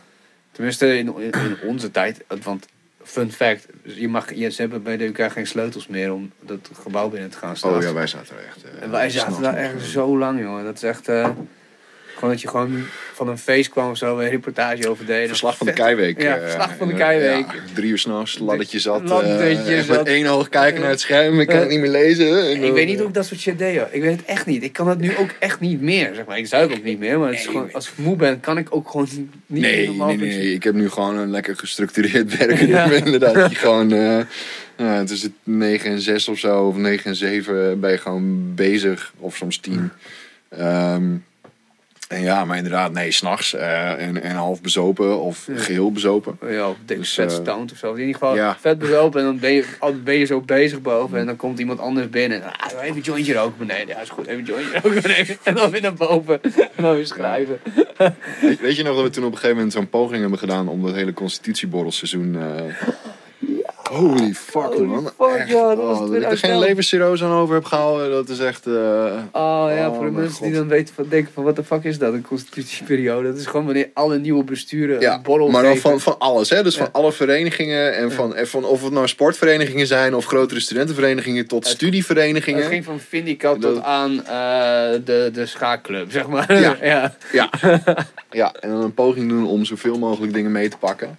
Nou ja, Oh, uiteindelijk zou ik het wel echt aan iedereen aanraden om dat te doen. Echt, elke schrijver die bij Hansemag of bij de UK zit, ga dat doen. Want ik heb daar echt gewoon het hele jaar alleen maar verhalen uitgeput. Het waren altijd, ja, echt. Ja, dat doe je. Ja, je leert er gewoon mensen kennen en je, je bouwt ook denk ik een vertrouwensband op. Ja, eh, ja je wordt wel zat met elkaar, dus eh, Daarom, 10, ja. 20 keer. ja, ja, dus dan inderdaad, dan kun je gewoon op een veel openere manier met elkaar praten. Ja, en en dan het- je inderdaad gewoon veel meer verhalen uit. Ja. En het erge is dat, nou het erge, het was meer, we hebben het volgens mij twee keer geprobeerd, twee seizoenen, dacht ik. Of in ieder geval, we hebben één seizoen ge- ge- eh, echt best wel eh, flink doorgepakt. Ja, je hebt nog langer volgehouden. En- en- ja, ik en Leo en eh Davy. volgens mij. Oh, nee, Davy zat bij de toen al. Ja. En, eh, eh, maar toen het tweede seizoen, toen hebben we het weer geprobeerd. Dat, dat duurde niet, niet zo lang. Maar het punt is van, je doet het één jaar. Dat is, de eerste drie zijn super awesome. Daarna wordt het echt werk, zeg maar. Ah, weer, Ja. weer, weer helemaal in de klote gaan. En, eh, en dan uh, volgens dan wisselt het bestuur. Dus dan moet je weer. Dan moet je weer. Ja, nieuw bestuur. Ja, Hey, nieuw hoi. bestuur. Ja. Oei, oei, oei, man. Ja. Ja, Het was op zich Ja, mooie tijden. Toen, ja, mooie tijden man. Ja, echt, eh, echt tof. Keihard werk ook. Ja. Maar dat is ook wel echt gewoon goed om bij een krant te beginnen. Want door het heel veel te doen. En gewoon, nou ja, eh, soul-crushing feedback eh, van... wat de fuck heb je hier voor een prutverhaal eh, geschreven? Daar, daar, daar leer je het wel van, zeg Ja. maar. Ehm, Ja, ik, ik Ja. heb nog steeds wel eens als ik dan eh, dingen aan het, eh, zelf aan het, eh aan het, het, het stemmetje in je achterhoofd. eh, Is Christine inderdaad. Weet je Ja. het of denk je het? ja, dat. Ja, ja, ja, precies. Of ik krijg, Ja. al, ik krijg de karma die ik haar gegeven heb, zeg maar. De Mm. shit die ik haar gegeven heb, die krijg ik ook gewoon de hele tijd terug door al mijn stagiaires en alle lui die ik dan zelf dan moet begeleiden. Dat je, dan, dat je dan leest en denkt van, ah, hoe kan iemand zo mogol zijn? hoe kan je zo'n zin neerzetten? Dan, Ja, precies. Ja. Maar als je kijkt hoe je dat eh, zelf deed. Ja. Dat je een telefoontje krijgt van, hé, we zijn geen fucking basisschoolkrant. eh, doe even normaal. Sorry, Schrijf hem maar opnieuw. sorry, sorry. Schrijf maar weer opnieuw. Ja. Ja, dat is... eh, Ik was op een gegeven moment... Ik was wel echt lui geworden op een gegeven moment. Toen ik zo... Toen dacht van, oh, we hebben toch eindredactie. Dus ik lever gewoon rauw materiaal aan. En dat, Ja. dat werd gewoon zo'n heel mooi gestructureerd verhaal. Ja, tot op een gegeven moment, you got the wrath of the queen. Maar- Ja, ja, ja, zeker. Maar ik, vind- ja, ik weet niet, ik vind het wel handig. Gewoon omdat er is niet zoveel eindredactie eigenlijk meer. Dat wordt ook steeds meer wegbezuinigd. En ik denk ook gewoon de commerciële dingen die ik doe, dat doe ik eigenlijk zelf. Dus er zit, er zit niet echt een eindredacteur bij die... Nou ja, voor het Europees Patentbureau bijvoorbeeld wel. Er zitten nog factcheckers bij. Het gaat echt drie rondes door. Omdat het gewoon allemaal gewoon fucking goed moet kloppen. Ja. Uh, maar ja, voor andere dingen uh, moet je het zelf doen. En Ja. ik ben wel heel blij dat, het, zeg maar, dat je inderdaad het stemmetje in je achterhoofd hebt ontwikkeld van uh, let hierop, let daarop, uh, hey fucking mogol, dat is een kromme zin. ja. Maar je, eh, waarschijnlijk heb je dat ook. Want als je de eerste, eerste wat je eruit perst, hoe goed je denk, ook denkt dat het is, het is het. eh, het is nog, het st- stikt nog van fucking fouten. ja, Ik sta er nog van te kijken, hoe kan dat? zinsconstructies en ja, weet ik niet. Ik denk dat je, het, ja, als je het heel, het is, schrijven is echt iets wat je, ik denk tot op een hele grote hoogte kunt leren door het echt heel veel te doen. Ehm, en dan krijg je dus veel meer een soort gevoel. Tenminste, voor, voor mij was het heel erg dat zeg maar eh, dat, het, dat het type eh, gelijk ging zeg maar met mijn gedachten. En dat het gewoon een beetje eruit komt zoals ik het zou vertellen. En, eh, maar goed, om dat te leren. Je hebt natuurlijk ook heel veel mensen die als ze, als ze gaan zitten om, om weet ik veel, een mailtje te typen of zo, of een sollicitatiebrief. Dan gaan ze op een gegeven moment met een soort schrijverspet uit, opzitten. En dan komen er zulke rare, kromme zinnen uit.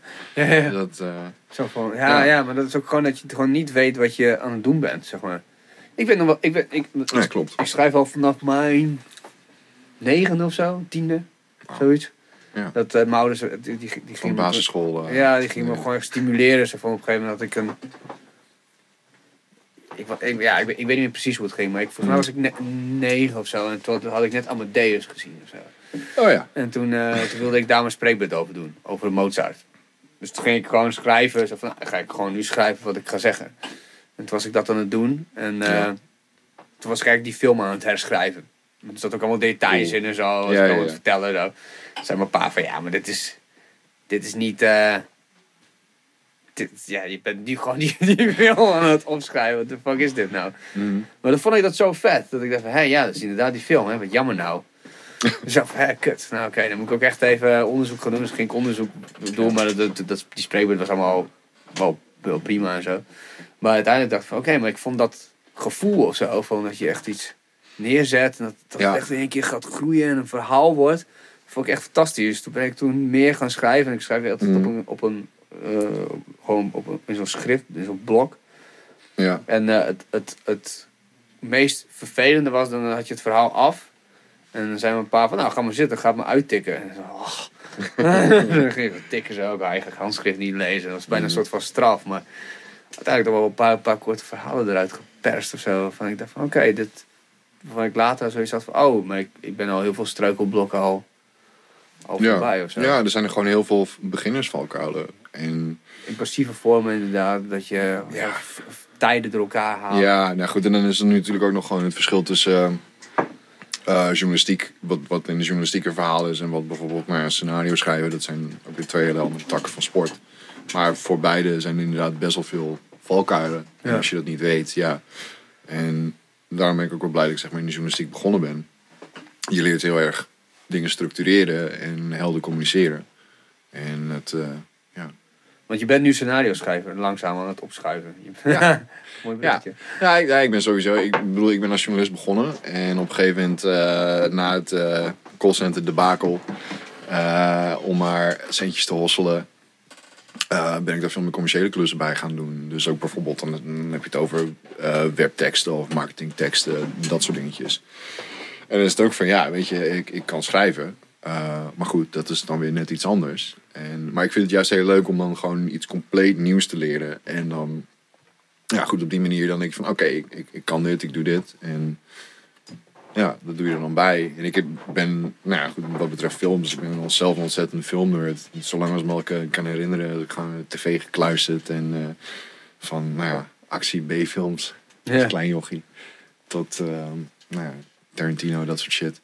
Dus ehm, ja, dat ben ik nu ook steeds meer aan het doen. En het is ook gewoon, dan merk je gewoon in het begin, dan denk je dat je dat wel kan. Maar dan kun je er echt geen reet van Scenario's schrijven. scenario. Ja, maar het is, het is, het is visual storytelling. En het is zo'n andere tak van sport. Zeker als je zeg maar uit de schrijvende kant van de journalistiek komt, heb je altijd de neiging om alles in woorden uit te leggen. En in woorden, nou bijvoorbeeld ook als je een, een boek schrijft, is ook een hele andere tak van sport. Want ja, je, je, lost creatieve problemen op met, met woorden. In plaats van met beelden. En film of tv of wat dan ook, dat zijn allemaal visuele handelingen. Dus je moet visuele handelingen schrijven. In plaats van dingen proberen in dialogen op te lossen, zeg maar. Om een verhaal of een plot voor te sturen in dialogen. Dan krijg je dus gewoon kutdialogen van. Dat echt gewoon, ja, wat gewoon heel geforceerd klinkt. Eh, maar goed, dat soort dingetjes. En dat soort dingen leren. Ik denk dat ik nu zo'n, nou, ik denk anderhalf jaar, zo, twee jaar misschien. Dat steeds meer aan het leren ben. En daar ook, ik had zo'n boek gelezen van eh Sid Field, geloof ik heet hij. Dat is volgens mij The Foundations of Screenwriting. Zoiets. Maar dat was echt zo tof. Er ging zo'n wereld voor me open. Zo van, wauw, het is echt gewoon... Je krijgt in één keer gewoon al die tools aangereikt. En dan op een gegeven moment weet je steeds beter van wat je aan het doen bent. En dat is, dat is gewoon heel tof. Dus eh, ja, Vet. ja.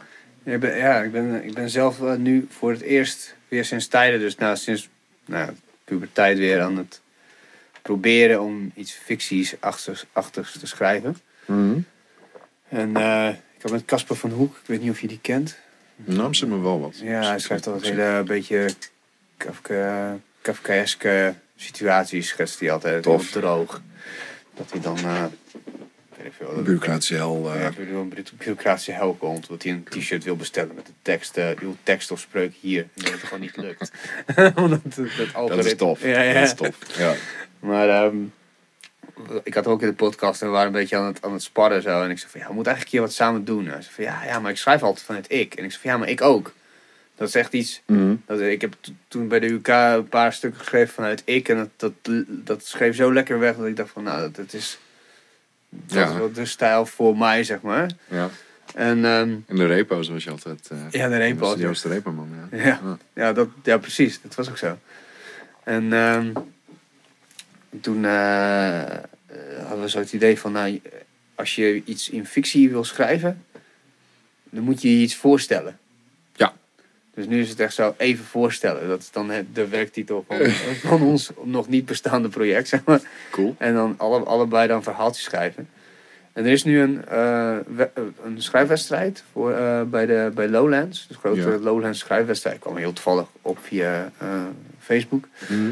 En maximaal 1500 woorden. kan je de, de, de link sturen. Dat, dat, eh, maar er moet, iets, er moet een proza stukje zijn. Een fictiestukje. Ja. En ik dacht van nou. Dit is gewoon mijn eerste verhaaltje van even voorstellen. Gewoon, dus heb ik zo'n... Ja, ik, stuur je wel even. Ik ben wel benieuwd wat je ervan vindt. Ja, Maar cool, alle, alle, Ja. Allereerst sinds tijden weer een fictie ding. Dat is een... Eigenlijk moet je niet verklappen wat het is. Want anders... eh, Ja. het is een beetje een riddle als het ware. Zo van, eh, ik, ik, het is een- vanuit een ik-vorm een soort van monoloog. Mhm. En dan, het, het is een eigenlijk een abstract iets wat het zegt. Maar wat is het? Zo is het een beetje. Mhm. En, eh, maar er was wel weer een kick om dat te doen. Ja, ja, dat kan ik me voorstellen. Ja, ik, ehm, ik ben, eh, toen ik het weer meer ben gaan doen.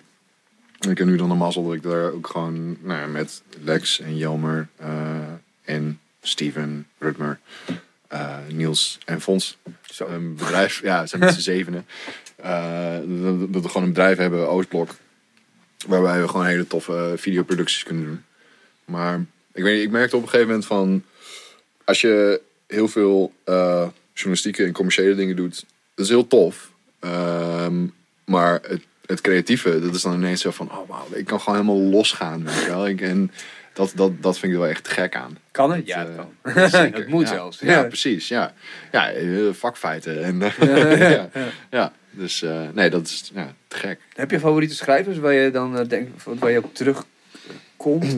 Voor boeken of Ja. voor films? Ja, voor- ja, voor beide. Voor beide? Eh, voor boeken, ehm, ik denk Hemingway. Klinkt lekker pretentieus, hè? Ja, ik heb eigenlijk Maar, nog nooit iets van Hemingway gelezen. Ik vind Hemingway vind ik te gek. Hij heeft, ehm, hij heeft zo'n echt super minimalistische manier van, van schrijven. Ehm, en hij heeft een beetje zo'n, dat noemt hij dan zelf een, zijn iceberg theory. Dus dat je zeg maar het topje van de ijsberg meekrijgt. En zelf eigenlijk alle, als lezer een beetje alle conclusies aan elkaar moet gaan verbinden. En hij heeft één heel tof kort verhaal, eh, Hills Like White Elephants. En het toffe was, of toffe daaraan is, is gewoon... Het beschrijft één scène eh, met, met één gesprek tussen twee lui op een station. En hij beschrijft zo weinig, maar er is zoveel aan de hand. Er wordt zoveel op, op, op zo'n vette manier geïnsinueerd. Dat is gewoon echt gek. En dat op een gegeven moment had hij het helemaal verder doorgetrokken naar een microverhaal. Ik kan me herinneren. Volgens mij, dat, dat vond hij zijn beste verhaal ooit. Eh, dat was gewoon eh, Little Girl Shoes for Sale, Never Worn. Eh, dat is het. Dat is het. Dat is het. Ja, en, en daarachter, achter die zin zit eigenlijk een heel verhaal. Weet je wel, over een dood kind, basically. Oh, dus dat, ja, weet je, het gaat om het, ja. Dus dat, ehm, dat vind ik heel tof. Ehm, ik vind Bukowski, vind ik ook echt, eh, Charles Bukowski, vind ik ook heel tof. Ehm ben ook een groot fan van eh, Chuck Palahniuk. Oeh, ik ken niet. Chuck Palahniuk is van eh, Fight Club. Die Oh. film is gebaseerd op een boek. En het boek is van Chuck Palahniuk. En, Je schrijft het Chuck Polanek, Ja, Palahniuk. Eh, dat- volgens mij spreek je daar Palahniuk. Po- Poolse dissident of zo.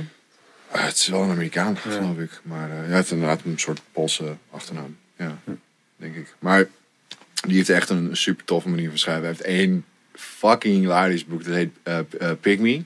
Ja. Als in pygmee.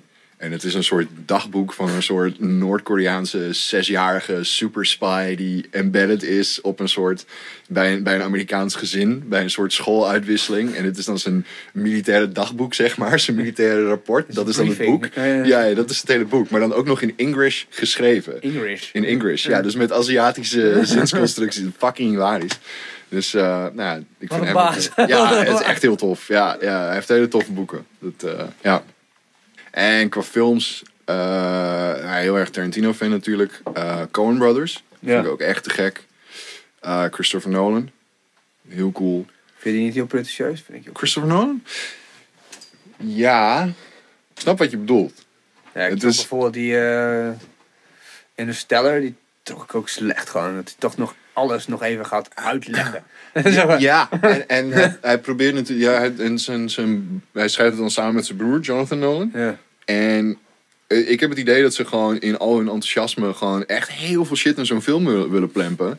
Eh, dus ja, inderdaad, je je mist dan denk ik helemaal bij Interst- Interstellar, mis je gewoon de helft, denk ik.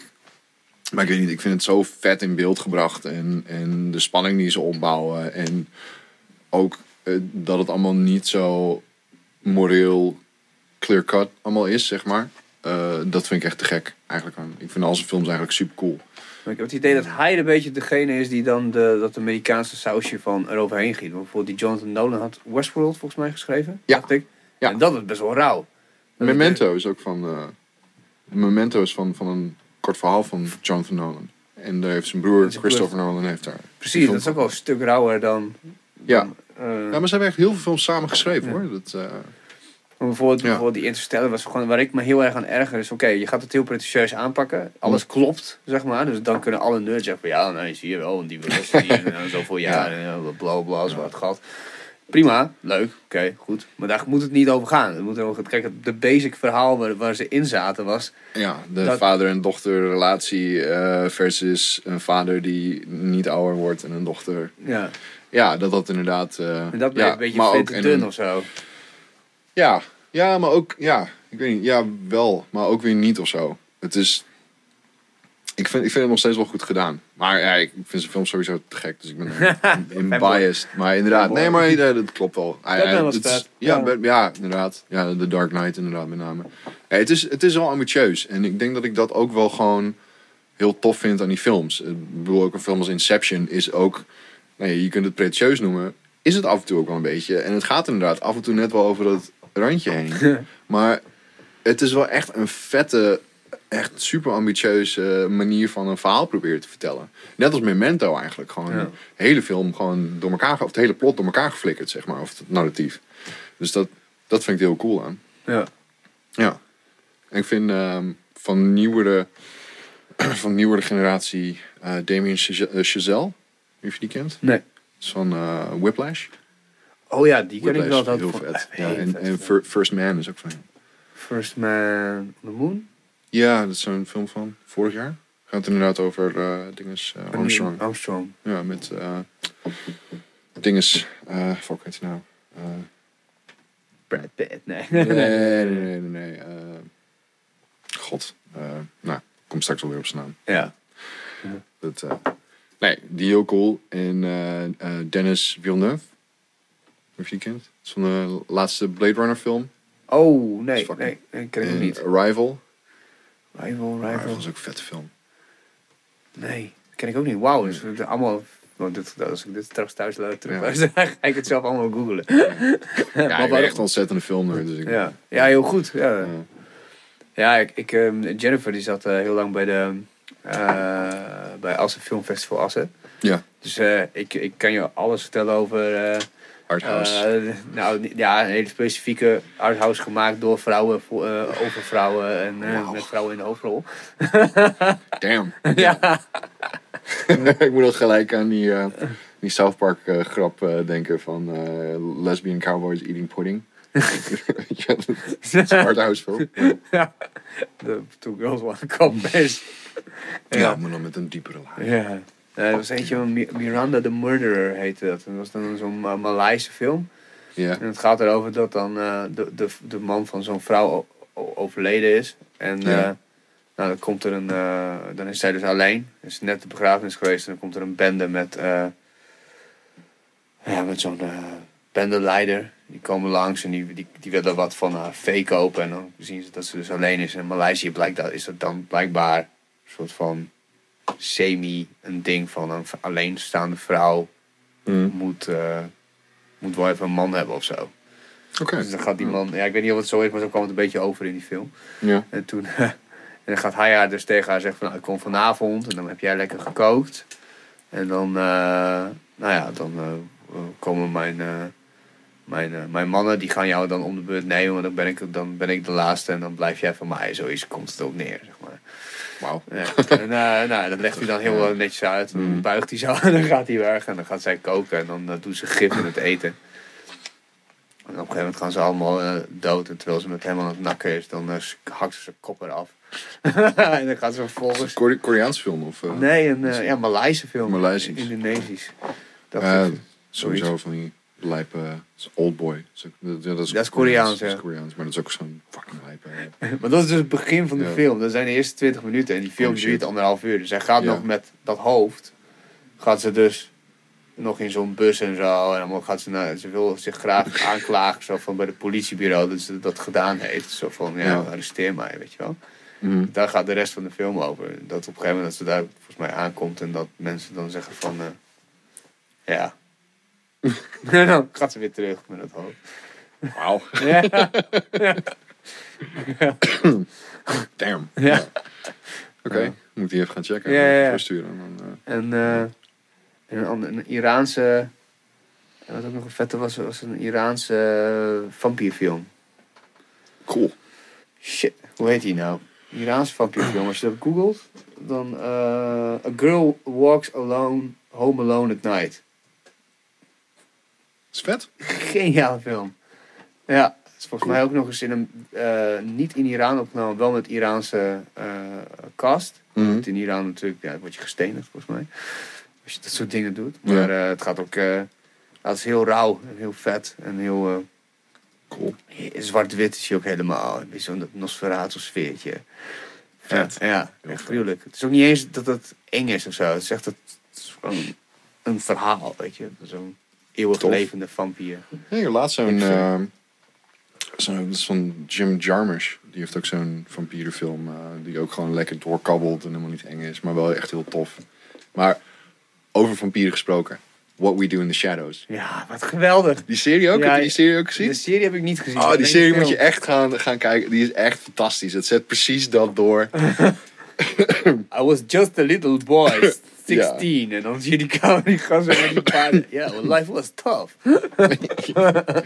Oh, het, is, het is zo cool. En die, die guy, die eh, schrijver regisseur, Ja? die is ook van Thor Ragnarok. Ja? Ja. Dat zou je niet Dat, zeggen. eh, nee, nou, ik, ik wist, ik, ik kende dus What We Do in the Shadows ken ik dus niet. Eh, of kende ik niet. En ik had Thor Ragnarok had ik gezien, en, of gekeken. En dat vond ik een vet toffe Spin-off. Nou, wel- ja, ik vond het een vet toffe film. Het was echt zo van, oké, dit is in één keer echt gewoon een vet coole Marvel film. Terwijl het is echt heel erg een formulefilm, weet je wel. Gewoon qua verhaalstructuur.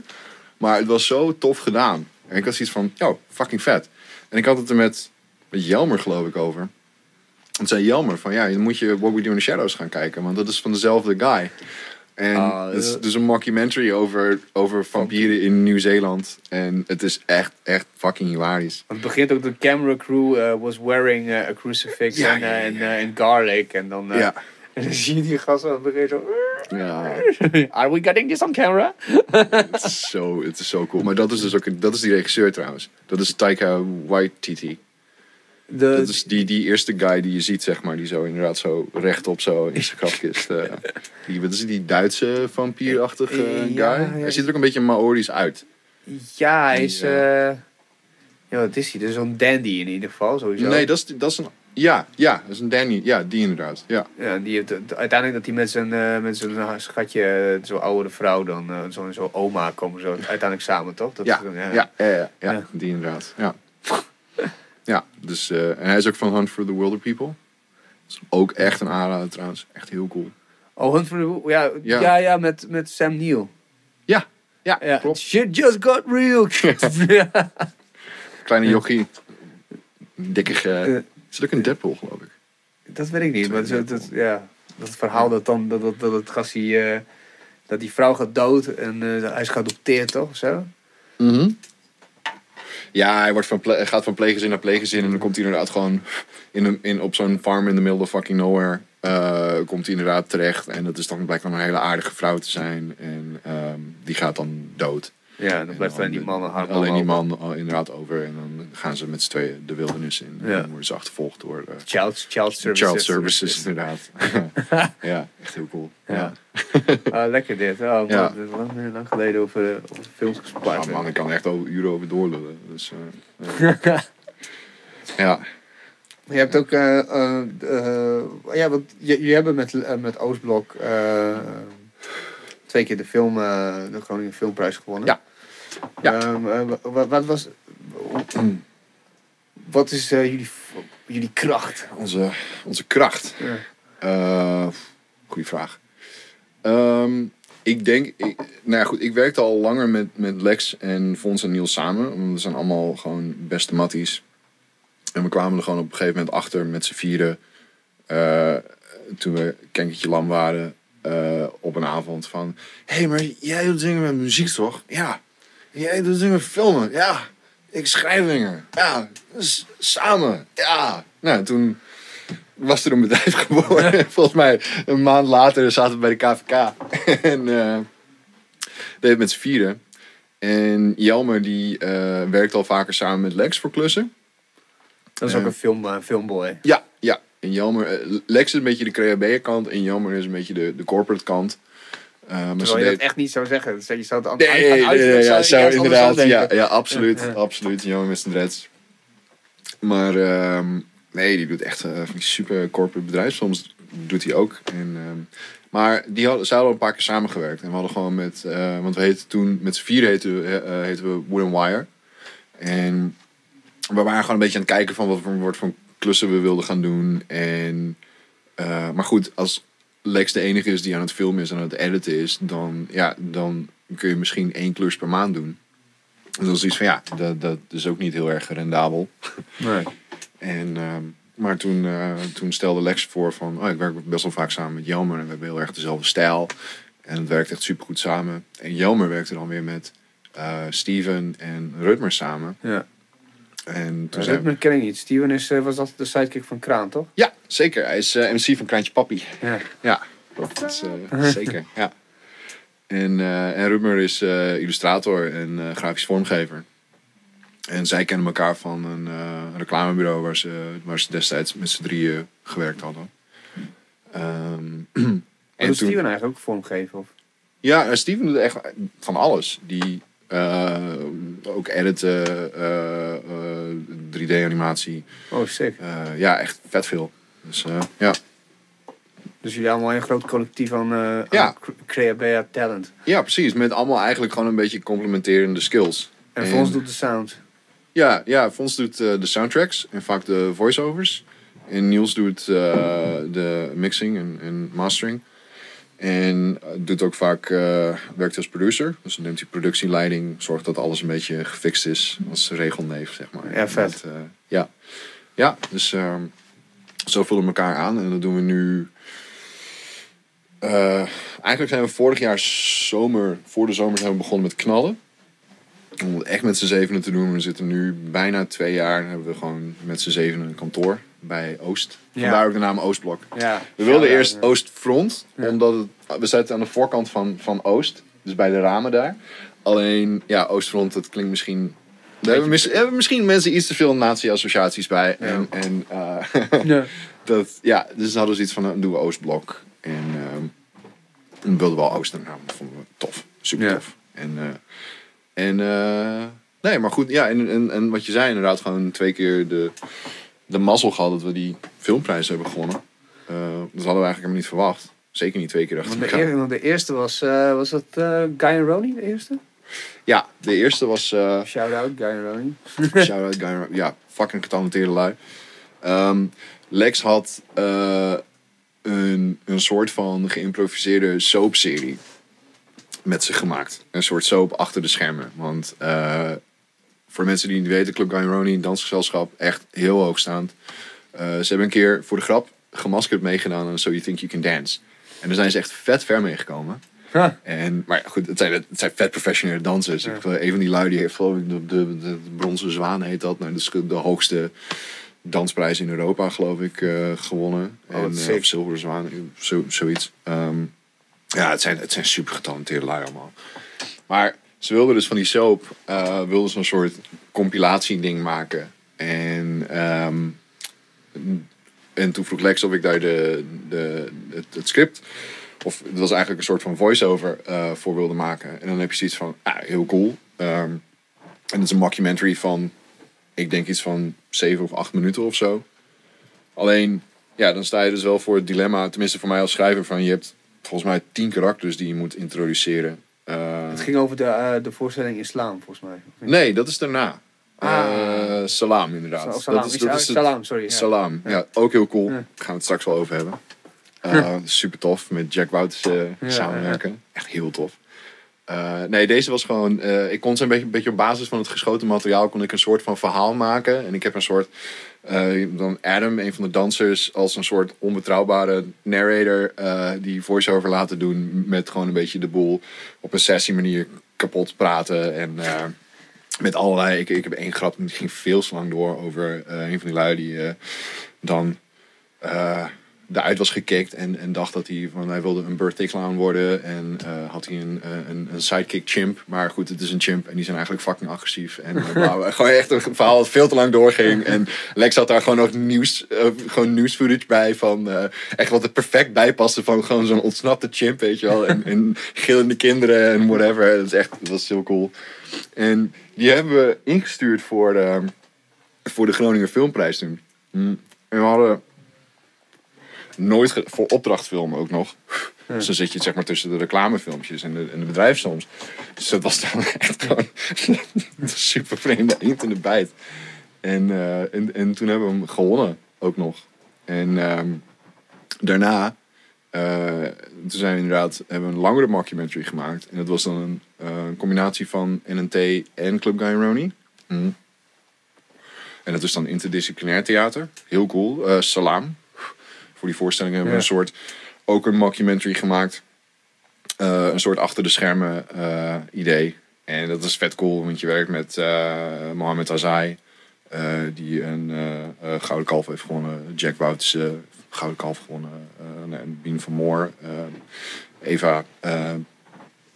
veel, superveel getalenteerde acteurs en dansers. En toen, toen mocht er daar ook een, een mockumentary voor maken. En dat was... Dat moest allemaal vrij houtje touwtje, want eh, zij zaten midden in de repetities. En het was eigenlijk nog niet... Dat gaat namelijk heel snel. Ze, dat stuk kwam in, in maart, ging het stuk in première. En in januari beginnen ze pas. Beginnen ze echt pas Ja. met het script en repeteren en dingen uitvogelen. En wij moesten daar... We hadden maximaal twee draaidagen. En eh, nou ja, wij moesten daar dan tussendoor eh live gaan filmen. En met een verhaal wat ik dan geschreven had. Wat ook een hele hoop improvisatiewerk was. Maar dat je een beetje de kaders van een verhaal probeert te schrijven. Ja. En dat was super tof. Want het leek me heel tof om een soort spoof op je A Man on the Moon van Jim Carrey. Ja. En je hebt ook zo'n achter de schermen docu dat, dat die guy echt gewoon de hele tijd in character blijft. Ja. Tot vervelens toe.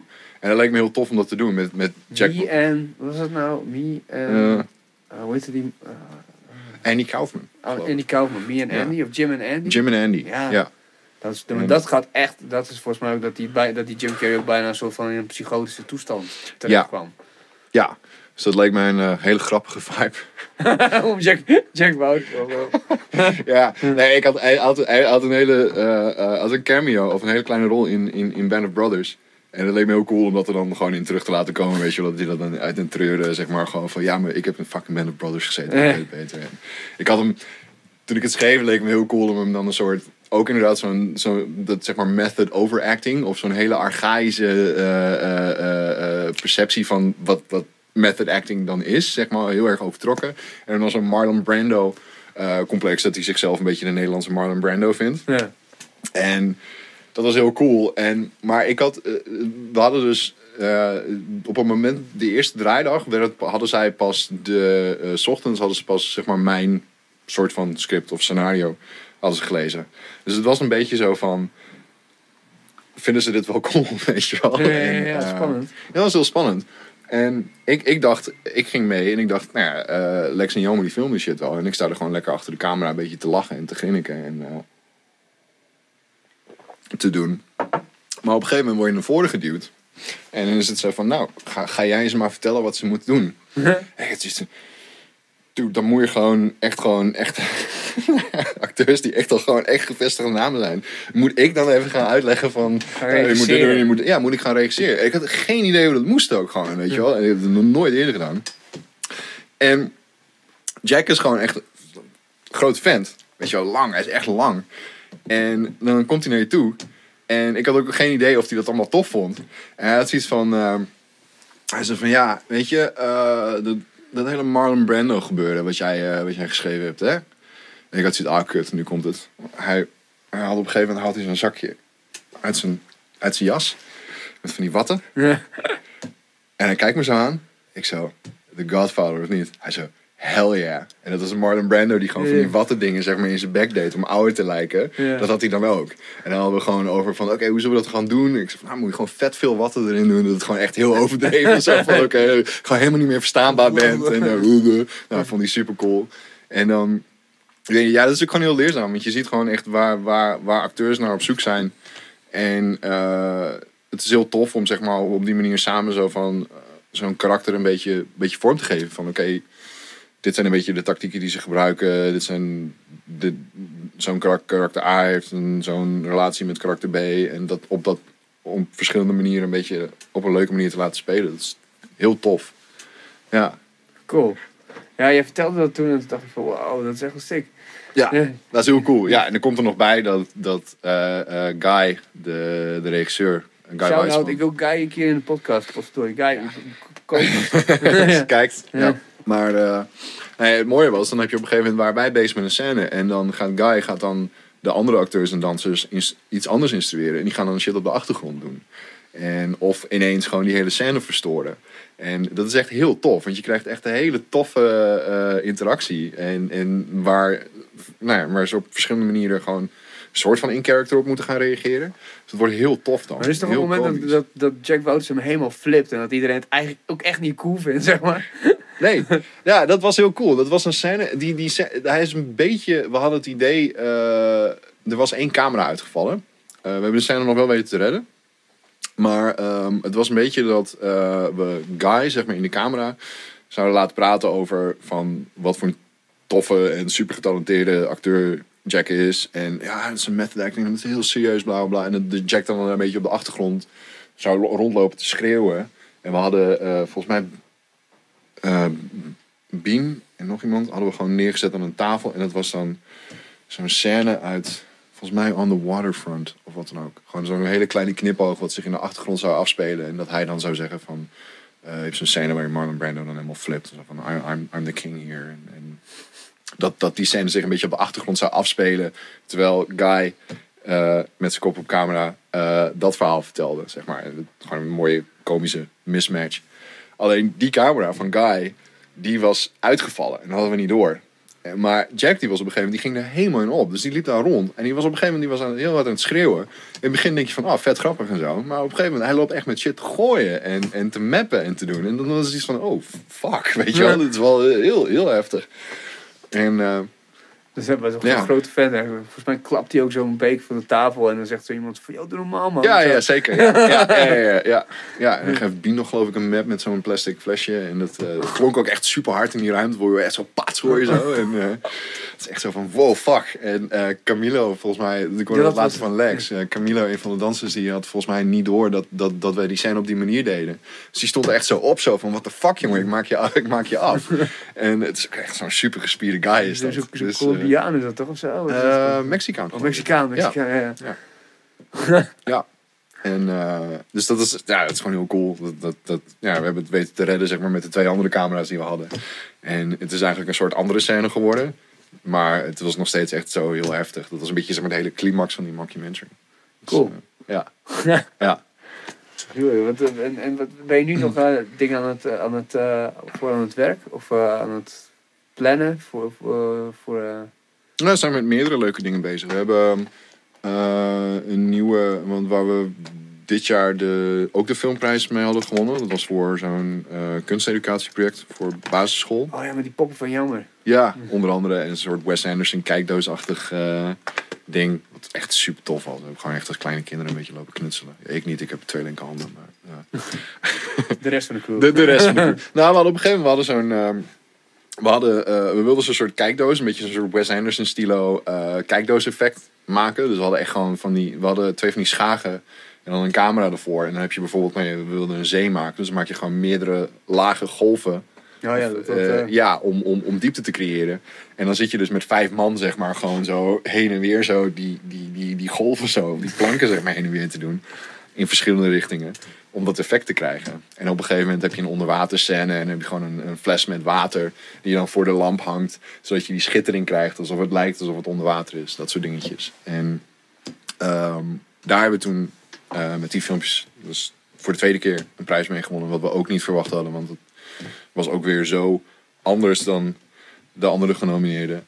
En, ehm, maar we zijn nu voor diezelfde eh, stichting, is het geloof ik, eh, Kunstwerk. Dat is een Friese eh, partij eh, voor onderwijs en kunsteducatie. Zijn we nu bezig met, met een reeks nieuwe filmpjes, ook een beetje in die stijl. En we zijn nu bezig met een project van Thijs van Noisia. oh ja, vet. Daar zijn we een kort film mee aan het maken.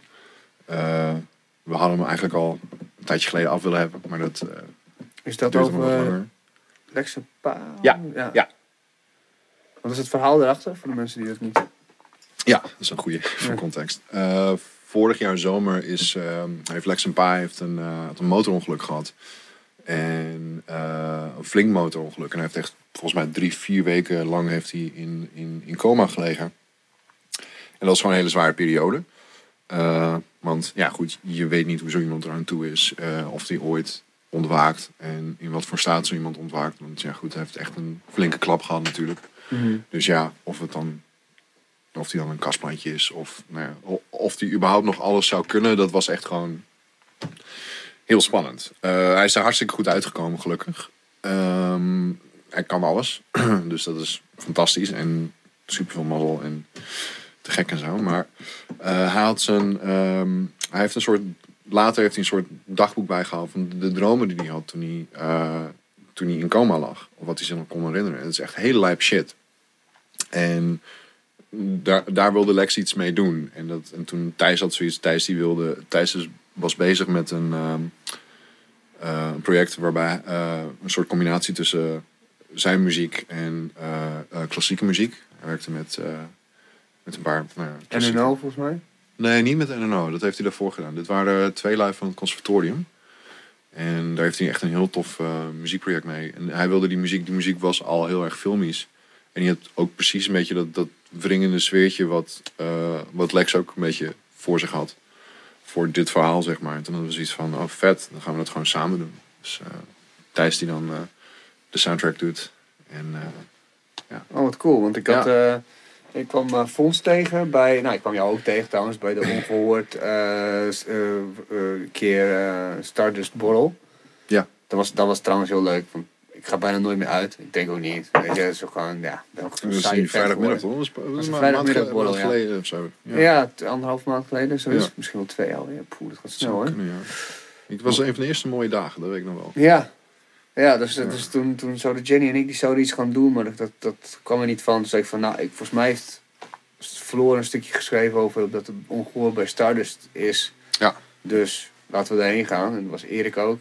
Ja. En denk je, was iedereen er eigenlijk. Gewoon Ja. bam. Echt, eh, dat was echt super tof. Ja, ja het zijn ook eh, eh, vrienden van me. tenminste, Rob en Freek dan. En dat zijn ook weer goede vrienden Ja. van Fons natuurlijk. Dus we hadden zoiets van... represent. Ja. Ja, maar het mooie was dat Fons toen eh, foto's liet zien. Eh, en die had het dan aan. Nou, toen zijn we met Lex. eh, ja, die wilde dit en die wilde een beetje dat. Oh, van de, de probeershots inderdaad. Van, Precies, en hij liet ja. het mij zien en ik zo... Dus het lijkt echt de kale duinen. Hij zo, dat zijn de kale duinen. Ja. ja. ja. Ja, er zit één woestijnscène in. Dus we waren aan het kijken. Het is een beetje natuurlijk een afweging van wat is CGI en wat is greenscreen en hoe gaan we dat allemaal doen en nou, hoe gaan we dat betalen en, en dat soort shit. En nou ja, goed, Lex is heel handig zeg maar, met een soort digitale nabewerking. Dat heeft hij al een keer eerder gedaan voor een film. Dat waren de duinen op, volgens mij, de Schelling of eh, Schier. En dat heeft hij gewoon ik weet niet hoe hij het voor elkaar kreeg, maar hij, het heeft, hij heeft het gewoon echt op gewoon echt heuvels en bergen laten lijken. Terwijl het gewoon dat natuurgebied was. En gewoon op een hele best wel gewoon goed te doen manier gewoon digitaal nabewerken. Dus we hadden zoiets van, oké, woestijn. Nou ja, goed, dan heb je inderdaad gewoon die duinen daar eh, bij. eh. Je hebt ook bos. En al, je hebt Ja, bos, soorten. ja. Ja, we hebben, ja, dus het, één scène is ook gewoon bos. Dus hij was een beetje locaties aan het scouten en gewoon kijken van wat werkt. Maar mag je wel al wat vertellen over, van, over die droom of zo? Of is dat nog een beetje top secret shit? Eh, dat houden we gewoon nog even in het midden. Nou ja, Nou, het, is, het is niet top secret of zo, maar het is denk ik leuker om dat gewoon te laten zien. In plaats van. Want wanneer, te- wanneer is het af? Wanneer komt het? Wordt het eh, Eh, we zijn nu bezig met eh, de draaidagen aan het inplannen. Ehm, dus ik weet niet precies. Het zal ergens de komende maand gaan we geloof ik de meeste dingen opnemen. want het is nog wel vrij. Dit is, dit is niet een opdracht. Het is gewoon eigenlijk vrij werk, zeg maar. Dat is vrij werk, ja. Ja, er is wel geld voor ingezameld. Ehm Thijs heeft een Kickstarter eh, daarvoor gemaakt. Hij wilde eigenlijk gewoon drie films bij, ehm, bij die muziek. Zijn twee andere films en daar heeft hij gewoon geld voor opgehaald. Om in ieder geval de basis, of in ieder geval bepaalde dingen eh, die we daarmee gewoon kunnen financieren. Bijvoorbeeld een studioruimte of eh, nou ja, goed. Eh, dat soort dingetjes. Maar inderdaad, het is gewoon vrij werk. Ja, Nice. ja te gek. Ja, het is heel ambitieus wat we willen. En als het lukt, dan is het volgens mij wordt het super tof. Dus, het zien. Lekker man. Ja. Lekker. En ehm ja. Hoe ziet een gemiddelde dag van jou eruit eigenlijk? Eh, heel divers. en ik doe heel veel verschillende dingen. En dat vind ik ook leuk om te doen. Eh, zeg maar, want naast het creatieve werk. Het is super leuk om, om creatief, creatieve dingen te doen. Maar het kan ook gewoon, als je bijvoorbeeld even vastzit, waar ongetwijfeld zit ergens in het proces, kom je een keer gewoon vast te zitten. Dan kan het echt fucking frustrerend zijn. En dan is het wel heel leuk dat je gewoon nog steeds gewoon journalistieke klussen hebt die gewoon wat meer recht toe recht aan zijn. Weet je, dat heeft gewoon een, vaste vorm. En het is een vast verhaal en het is niet mijn verhaal. En er zit een soort afstand tussen. En dat is gewoon fijn om te doen.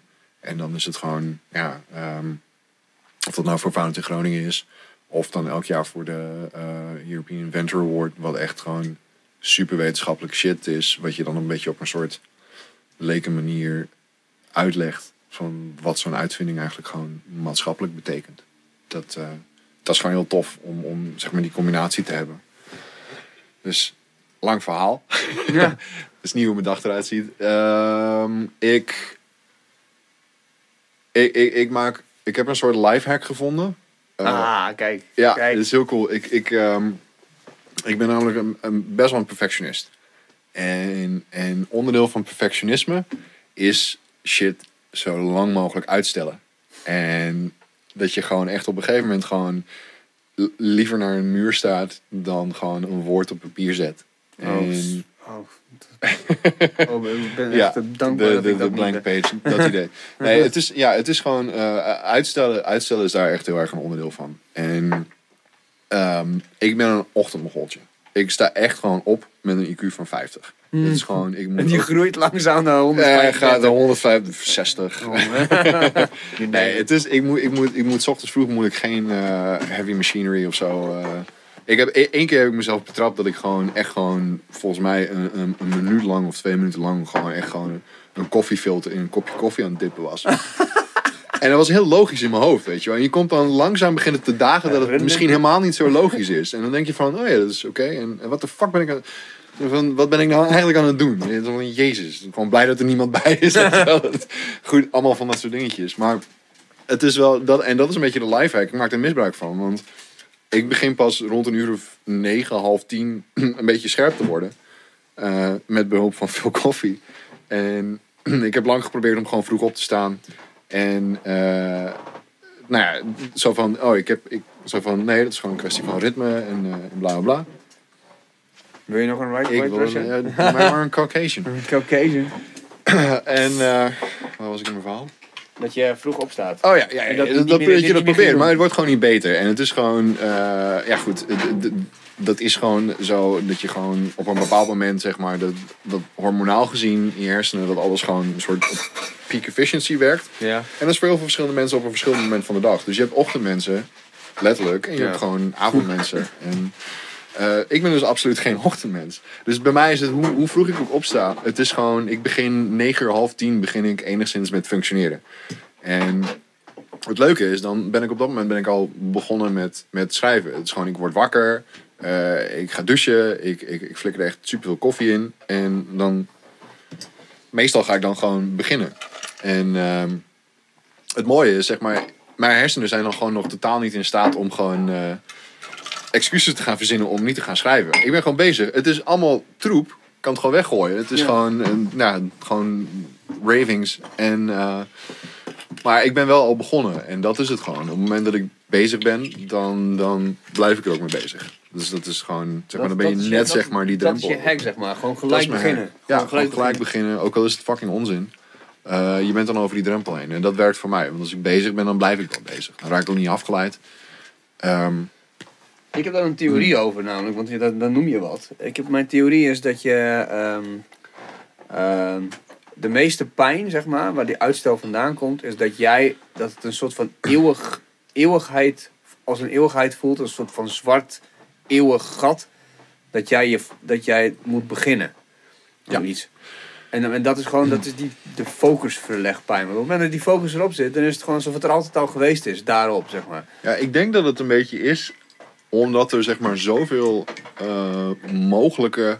Als je nog niet echt begonnen bent, dan zijn er zoveel mogelijke uitkomsten in je hoofd... waar je gewoon niet tussen kunt kiezen. Ja. En daarom had ik bijvoorbeeld, nou ja, in, in het begin helemaal, dan heb je gewoon superveel deadlines, dan moet je wel. En op het moment dat je moet, dat je echt moet, dat die deadline paniek echt gewoon zo van, holy fucking shit, ik ga dit nooit meer redden. ja. En nu ga ik door de mand vallen. En, En nu eh, weet iedereen aan mijn imposter. ja, precies. Eh, en dat op een gegeven moment dat die, die, die echte paniek zeg maar eraan komt. Cheers. Cheers. Ja. en en dat, dat zeg maar dan ineens zich omslaat in dat er gewoon een knop omgaat. En dan denk je van fuck it, ik ga gewoon beginnen. En dan maak je denk ik gewoon onbewust gewoon een keus. En dan, dan, dan blijf je daarbij. En dan, dan is het makkelijk werken. Maar ik denk als je die druk niet hebt. En En er zijn zoveel verschillende dingen die je zou kunnen doen, dat het gewoon, ja, dat het gewoon heel moeilijk is om daar gewoon een keuze in te maken. En dat je daarom steeds dingen blijft uitstellen, omdat het nooit goed genoeg is in je hoofd. Dat is een beetje. Dat is wel een goeie, want ik, ik, ben, ik, ik, ik, ik heb zo'n rubriek in de Hanzemacht, dat heet Theo versus studiestress. Ja. En vroeger bij de UK deed ik alle Ritalin en eh, nou, al- alle andere chak die je dan eh, ging gebruiken om te studeren. Het is allemaal super chemisch en, eh, en illegaal eigenlijk. Of ja, niet, nou, ja, niet, niet illegaal, maar... Niet als je eh, ADHD hebt. Nee, nee, dat is wel zeker, ja. maar maar dat, eh, dat ik, ja, volgens mij ben ik ook de eerste geweest die over Ritalin schreef als gebruiker. Dat is ook, Oh, dat, dat cool. heb ik nog nergens. Ik ben nog ja- Dat- jarenlang gebeld door de, door Volgens- de VPRO en zo.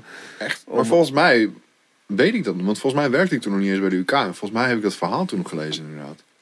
Ik geloof er ook echt vol- helemaal. ja. Ik geloof ook echt niet in de Ritalin. Een vriend van mij die zei... ehm, ik, ik heb psychologie gedaan. En Ja. toen zei iemand eh, tegen mij van... eh, eh, of, dan leer je natuurlijk Ritalin tegen ADD. Maar je hebt geen idee wat dat betekent. Ja, dopamine. Ja, whatever man. Weet je wel? Ja. Je weet eh, eh, eigenlijk gewoon niet wat dat, wat dat met je lijf doet.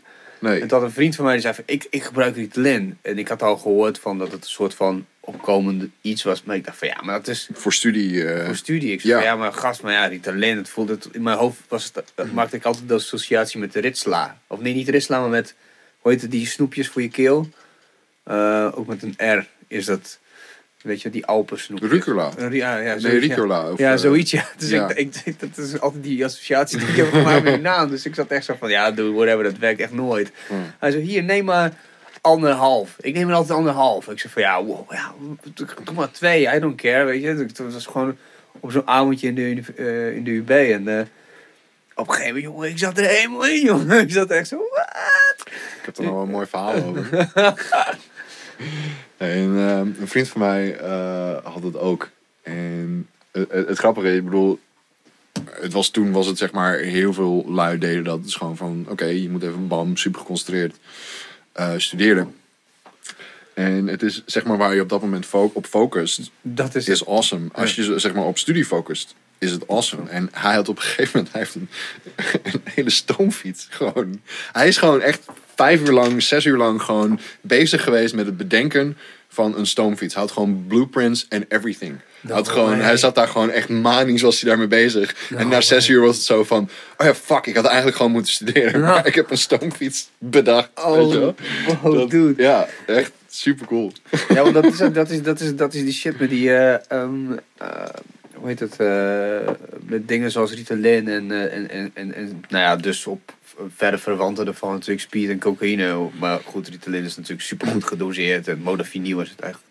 Ja. Ja, toch? Ja. Nee, methylfenidaat, methylfenidaat is het, is de stof. Maar ehm, Hebben we factcheckers? ja, nee, het was wel 100%. Want ik, wij, wij zongen altijd liedjes als methylfenidaat.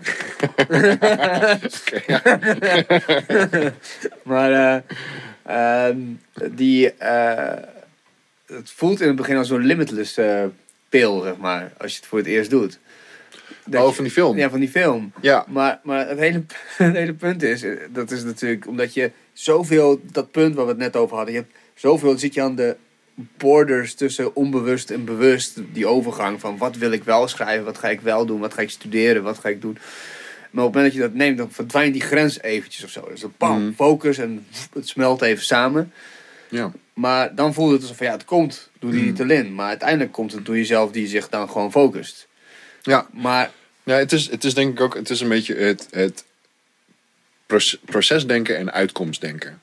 Ehm, en die het is- twijfel wordt een beetje weggenomen. ja, het, als, je, als, je, als, je, als je perfectionistisch ingesteld bent, dan ben je in je hoofd vaak bezig met de uitkomst. En de uitkomst kan doodeng zijn. Ik weet nog op een gegeven moment, ehm, bij, dat, bij dat Guy and Ronnie ehm, ding, die, die mockumentary, toen ik het schreef, was het gewoon, ik vond het super vet. Eh, het is echt heel cool. Maar op het moment dat je aan de uitkomst gaat denken, en, en dat was voor mij het punt dat ik, eh, dat ik er niks meer aan kon doen. Die voice-over stond eronder. En het was een dag voordat hij uitkwam.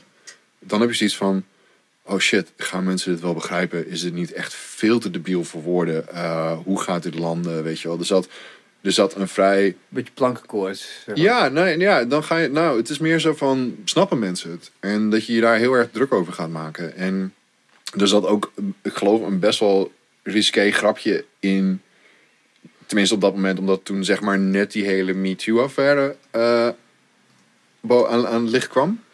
Dat was toen echt net. Eh, en toen had ik zoiets van, oh shit, weet je. Ik had daar een soort van, soort van grapje had ik daar eh ingezet. Zo van, oh shit, dit gaat echt... eh, hier kunnen mensen over gaan vallen. Of de andere shit. En je gaat... Ik weet niet, je- bent dan heel erg panisch zo van, gaan mensen het wel cool vinden, weet je wel. Want het is gewoon, nu is het mijn, mijn, mijn nek on the chopping board, wat dat betreft. En, ehm, van de chopping block. En, en zo van, oké, weet je, ik heb, ik heb iets gemaakt. Ik, ik heb er zelf heel veel plezier aan gehad om dat te maken. En nu moet ik dat loslaten. En nu gaan andere mensen hier iets van vinden. En dat kan doodeng zijn. En gelukkig heb ik nog van op het moment dat ik bezig ben aan het schrijven ben, dan het is nou, het, het beste vermaak wat ik me in mijn eentje kan hebben, zeg maar, weet je wel. Ik, ik, ik lach me gewoon dood om mijn eigen grappen, weet je wel. Het is echt, het is echt heel debiel.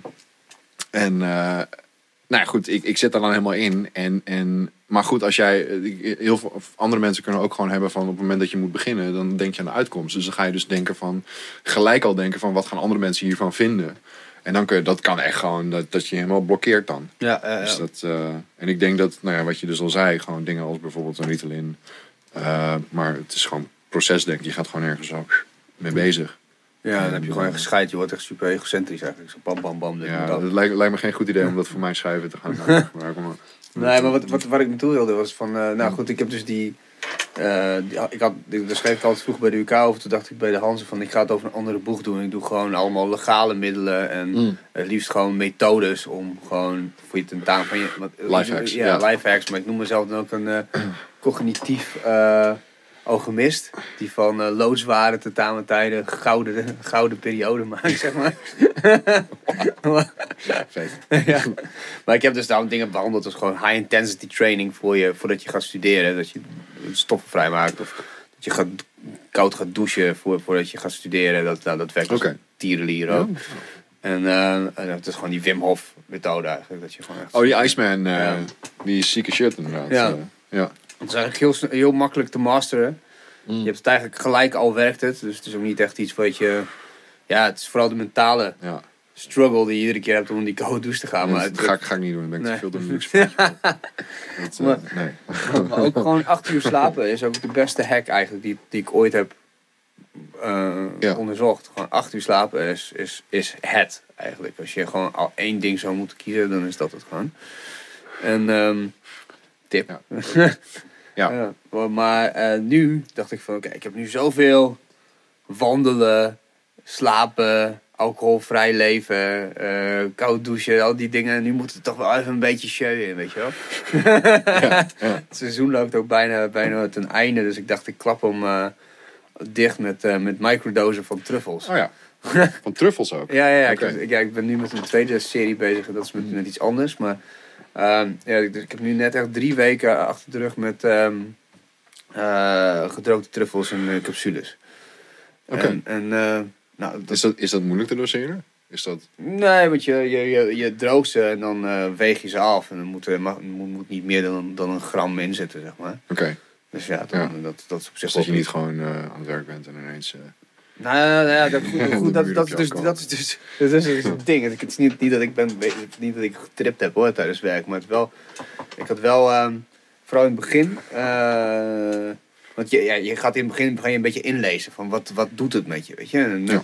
Iedereen zegt van ja, je wordt zo veel opener, gemakkelijker met mensen en vriendelijker en alles gaat een beetje over wolkjes en bla bla bla. En de tweede dag is lekkerder dan de eerste dag en En je wordt er veel creatiever van. en creatiever inderdaad. Dat is ook een beetje een trend toch in, eh, of het was een trend. In Silicon Eh, Valley Silicon sowieso. Valley inderdaad. Maar dat was microdosing met, eh, met LSD. Ja, maar dat is Dus bijna... Het, het, is, het, bij, het is natuurlijk, het is allebei. een, ja, psilocybine en LSD, Ja. dat hebben een beetje, een beetje dezelfde, dezelfde soort stoffen. mm. Maar ehm, het gaat erom dus om dat je, dat je, dat je hers, hersenactiviteit naar beneden gaat... terwijl je interconnectiviteit tussen de hersendelen eh, met 1000% omhoog gaat. Dat is eigenlijk wat LSD en psilocybine doen. Wat ze nog tenminste hebben kunnen meten. Mm. Een eh, heel, heel goed boek van eh, Michael uh, Pollan, How to Change Your Mind. Daar staat Mm. het ook in. En Robert Harris, of is het nou Patrick Harris? Robert Harris is een van die gasten die dus voor het eerst ooit, dat is niet eens zo heel lang geleden, volgens mij is het Nee, van maar- vijf jaar geleden, met 100 milligram. Ze zijn daar ook net weer mee begonnen. Ik geloof ook in Groningen met, eh met psilocybine-therapie. bij En, depressies. Voor, bij depressies inderdaad. Vriend En- van mij leidt die studio.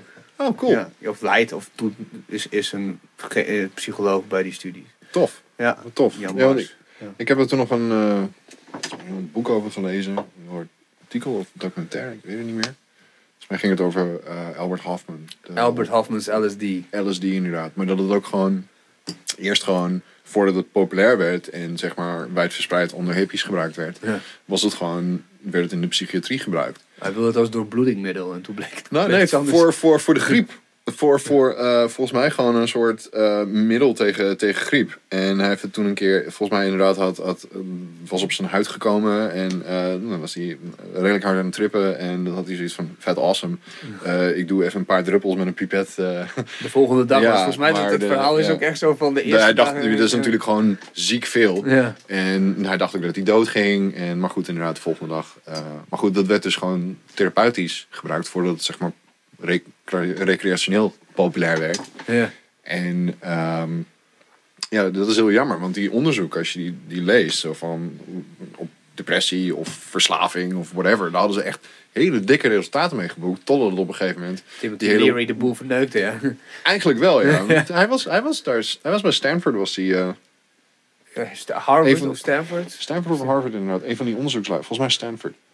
Ehm, Hij wilde dat iedereen op de wereld aan LSD ging. Dat was een beetje Ja. zijn doel. ja, en daardoor heeft op een gegeven moment eh, Nixon gezegd, eh hell no. Ja, War Warren on, war on Drugs. drugs. En toen is ook al, die, al dat onderzoek is verboden geweest. En dat is heel jammer. Dat komt nu geloof ik allemaal weer terug. Je hebt zo'n film op Netflix, eh, California Sunshine of Sunshine Riders. Nee, ja, die, over die lui die dat... ja, die heb ik ook gezien. Die is fucking vet. Ja, maar dat ja, een van die gasten, die, die, die ging dus op een gegeven moment bij Timothy Leary, die boel koeken daar. Ja. ja, zeker. Ja. Ja, die, die zat ook volgens mij echt volgens mij in, in, in, in- ergens in New Mexico. Gewoon in, in, in suburbia had hij inderdaad gewoon, gewoon echt Canada. Canada. Nee, niet in Canada. Nee, volgens mij in New Mexico. Volgens mij, eh, of, of Nevada. Nou, ergens, hij zat ergens gewoon, echt gewoon in zo'n suburb. Weet je wel, echt zo'n klassieke Amerikaanse suburb. Met allemaal nette huisjes. En zat hij- zo'n nette huisje waar hij echt gewoon inderdaad gewoon Dikke lap. massa's LSD aan het produceren was. Ja, Ja, dat was heel sick. is gewoon, ja. ja, dat was echt heel sick.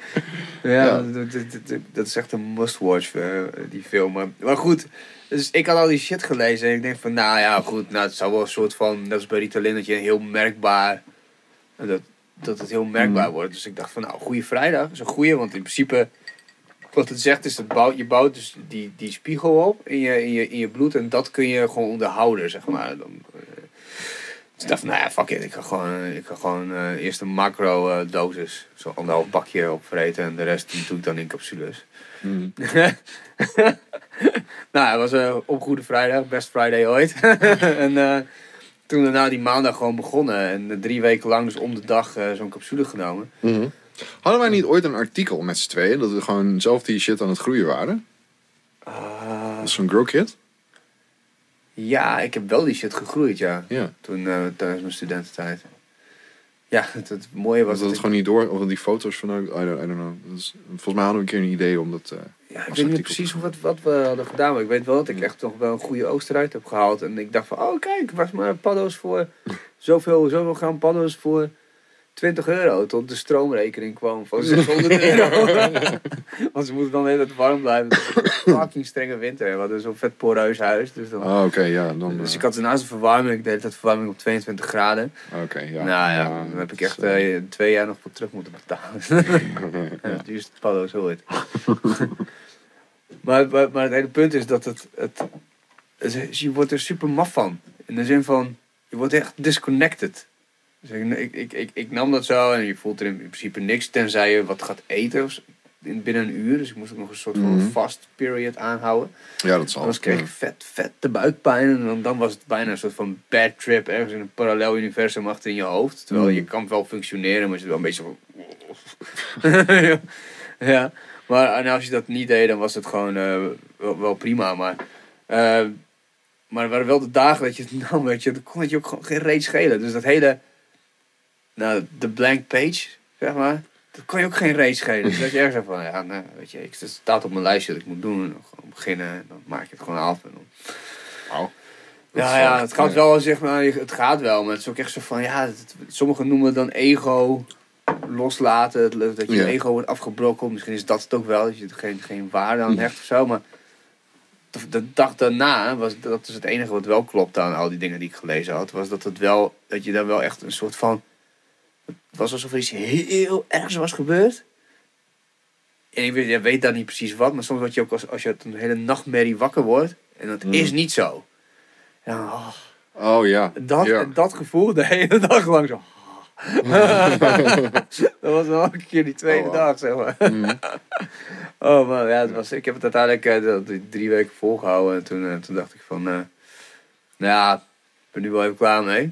Maar ehm, het, was, eh, het was wel eh, dat, dat, dat, eh, dat perfectionisme, dat als je nog een keertje goed wil aanpakken, maak er doos met truffels. Cool, Ja. cool. Cool, cool, cool. Breng je op idee. Maar Ja. kinderen onder de 16 niet. Nee. Ja. Maar het verhaal komt in de volgende editie van, eh van Hansemach. Cool. Cool. Ga ik zeker lezen. Wat, eh wat Zit, zegt eh, mijn camera, cameraman? Twee, eh, oké. Oh, bijna twee uur. Oh, zit onze tijd er al op. Ja, Moeten we nog iets... eh, dringend spreken. Zei hij het wel in een goede slogan. weet je. White Russians. ja. Dat was ook een goede call van jou. Dat was, ja, I know. Maar ik had, zoiets, je had zoiets van, wat is je favoriete drankje? En ik dacht van, nou, laten we gewoon in thema blijven. En gewoon full Big Lebowski gaan. Ja. Dus White Russians is er één van.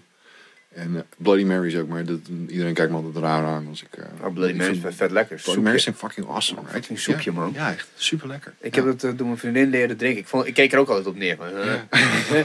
en toen zei ze van, nee man, dude, probeer dit. En eh, toen, toen, toen, toen, toen dronk ik nog. En nou, zelfs Virgin Bloody Marys zijn gewoon lekker. Ja, I know. Ja, het is gewoon, ja, ook gewoon tomatensap. I know. Is, Met, met Awesome. ja, maar dat, dat vind ik dus wel... Dat, daar, ik, ik, er zijn weinig dingen die ik niet lust. Alleen rauwe bleekselderij vind ik echt... Dat is gewoon van de duivel. Dat is gewoon kill it with fire. Dat is gewoon echt... Dat vind ik heel kut. Voor laser action. ja, ja, ja, nee, eh, ja, eh, eh, rauwe bleekselderij en, en koriander. Eh, Koriander, ben, je- ben je een... no- ja, ik ben eh, zo iemand die, eh, die, waarbij het echt gewoon naar zeep smaakt. En, eh, Ja, ja. ja. dus dat. Ja, en een goede gin en tonic kun je me ook wel voor wakker maken. Dat dat- Oh, gin and tonic test upcoming ook in de Hansemag, volgende editie. Nice. Heb ik gedaan, jongen. En ik zei, ik ga Lekker. niks verplaatsen. Maar dat, dat eh, zat allemaal eh, wel vrij dicht bij elkaar, eh, de hipste tenten. Ja. Ja. Oh, je, hebt gewoon, je bent alle hipstenten bij langs gegaan. En, Ja, die, ik, kon, ik kon mijn testcrew niet aandoen om eh 20, 20 terrasjes krijg je nog een soort reimbursement van, van, van, voor, voor, voor je uitgaven? Want ik bedoel, die kringen zijn ook tering duur. Ja, nee, ik heb het wel 9 gewoon euro gefactureerd eh, uiteraard. Ja, oké. ja, doei. Ja. ja. Maar, Ja. nee, goed, maar er komt eh, voor, voor de niet-drinkers komt er een, is, eh, f- nou, ik denk over een week of zo in de schappen een, voor het eerst een alcoholvrije gin tonic. Uit Zuid-Afrika. Leem. Nee, Leem. fuck off. Dat is echt, dat is echt mijn ding. Ja. Oké. Oké. Leem. Ja. Ja. Een lekker paletje. Oh, heerlijk. Heerlijk. Ja. Ja. Nee. Oké, je favoriete Ja. quote. Laten we eindigen met een mooie quote. Jezus. Ehm Die millennials moeten weten, moeten kennen. oh mijn god, dan moet ik echt even diep gaan graven. Oh, shit. Nee, ja, nee. Ik, ik, mijn, ik heb een heel raar associatief geheugen. Dus als ik zelf moet gaan graven, dan komt er gewoon helemaal niks uit.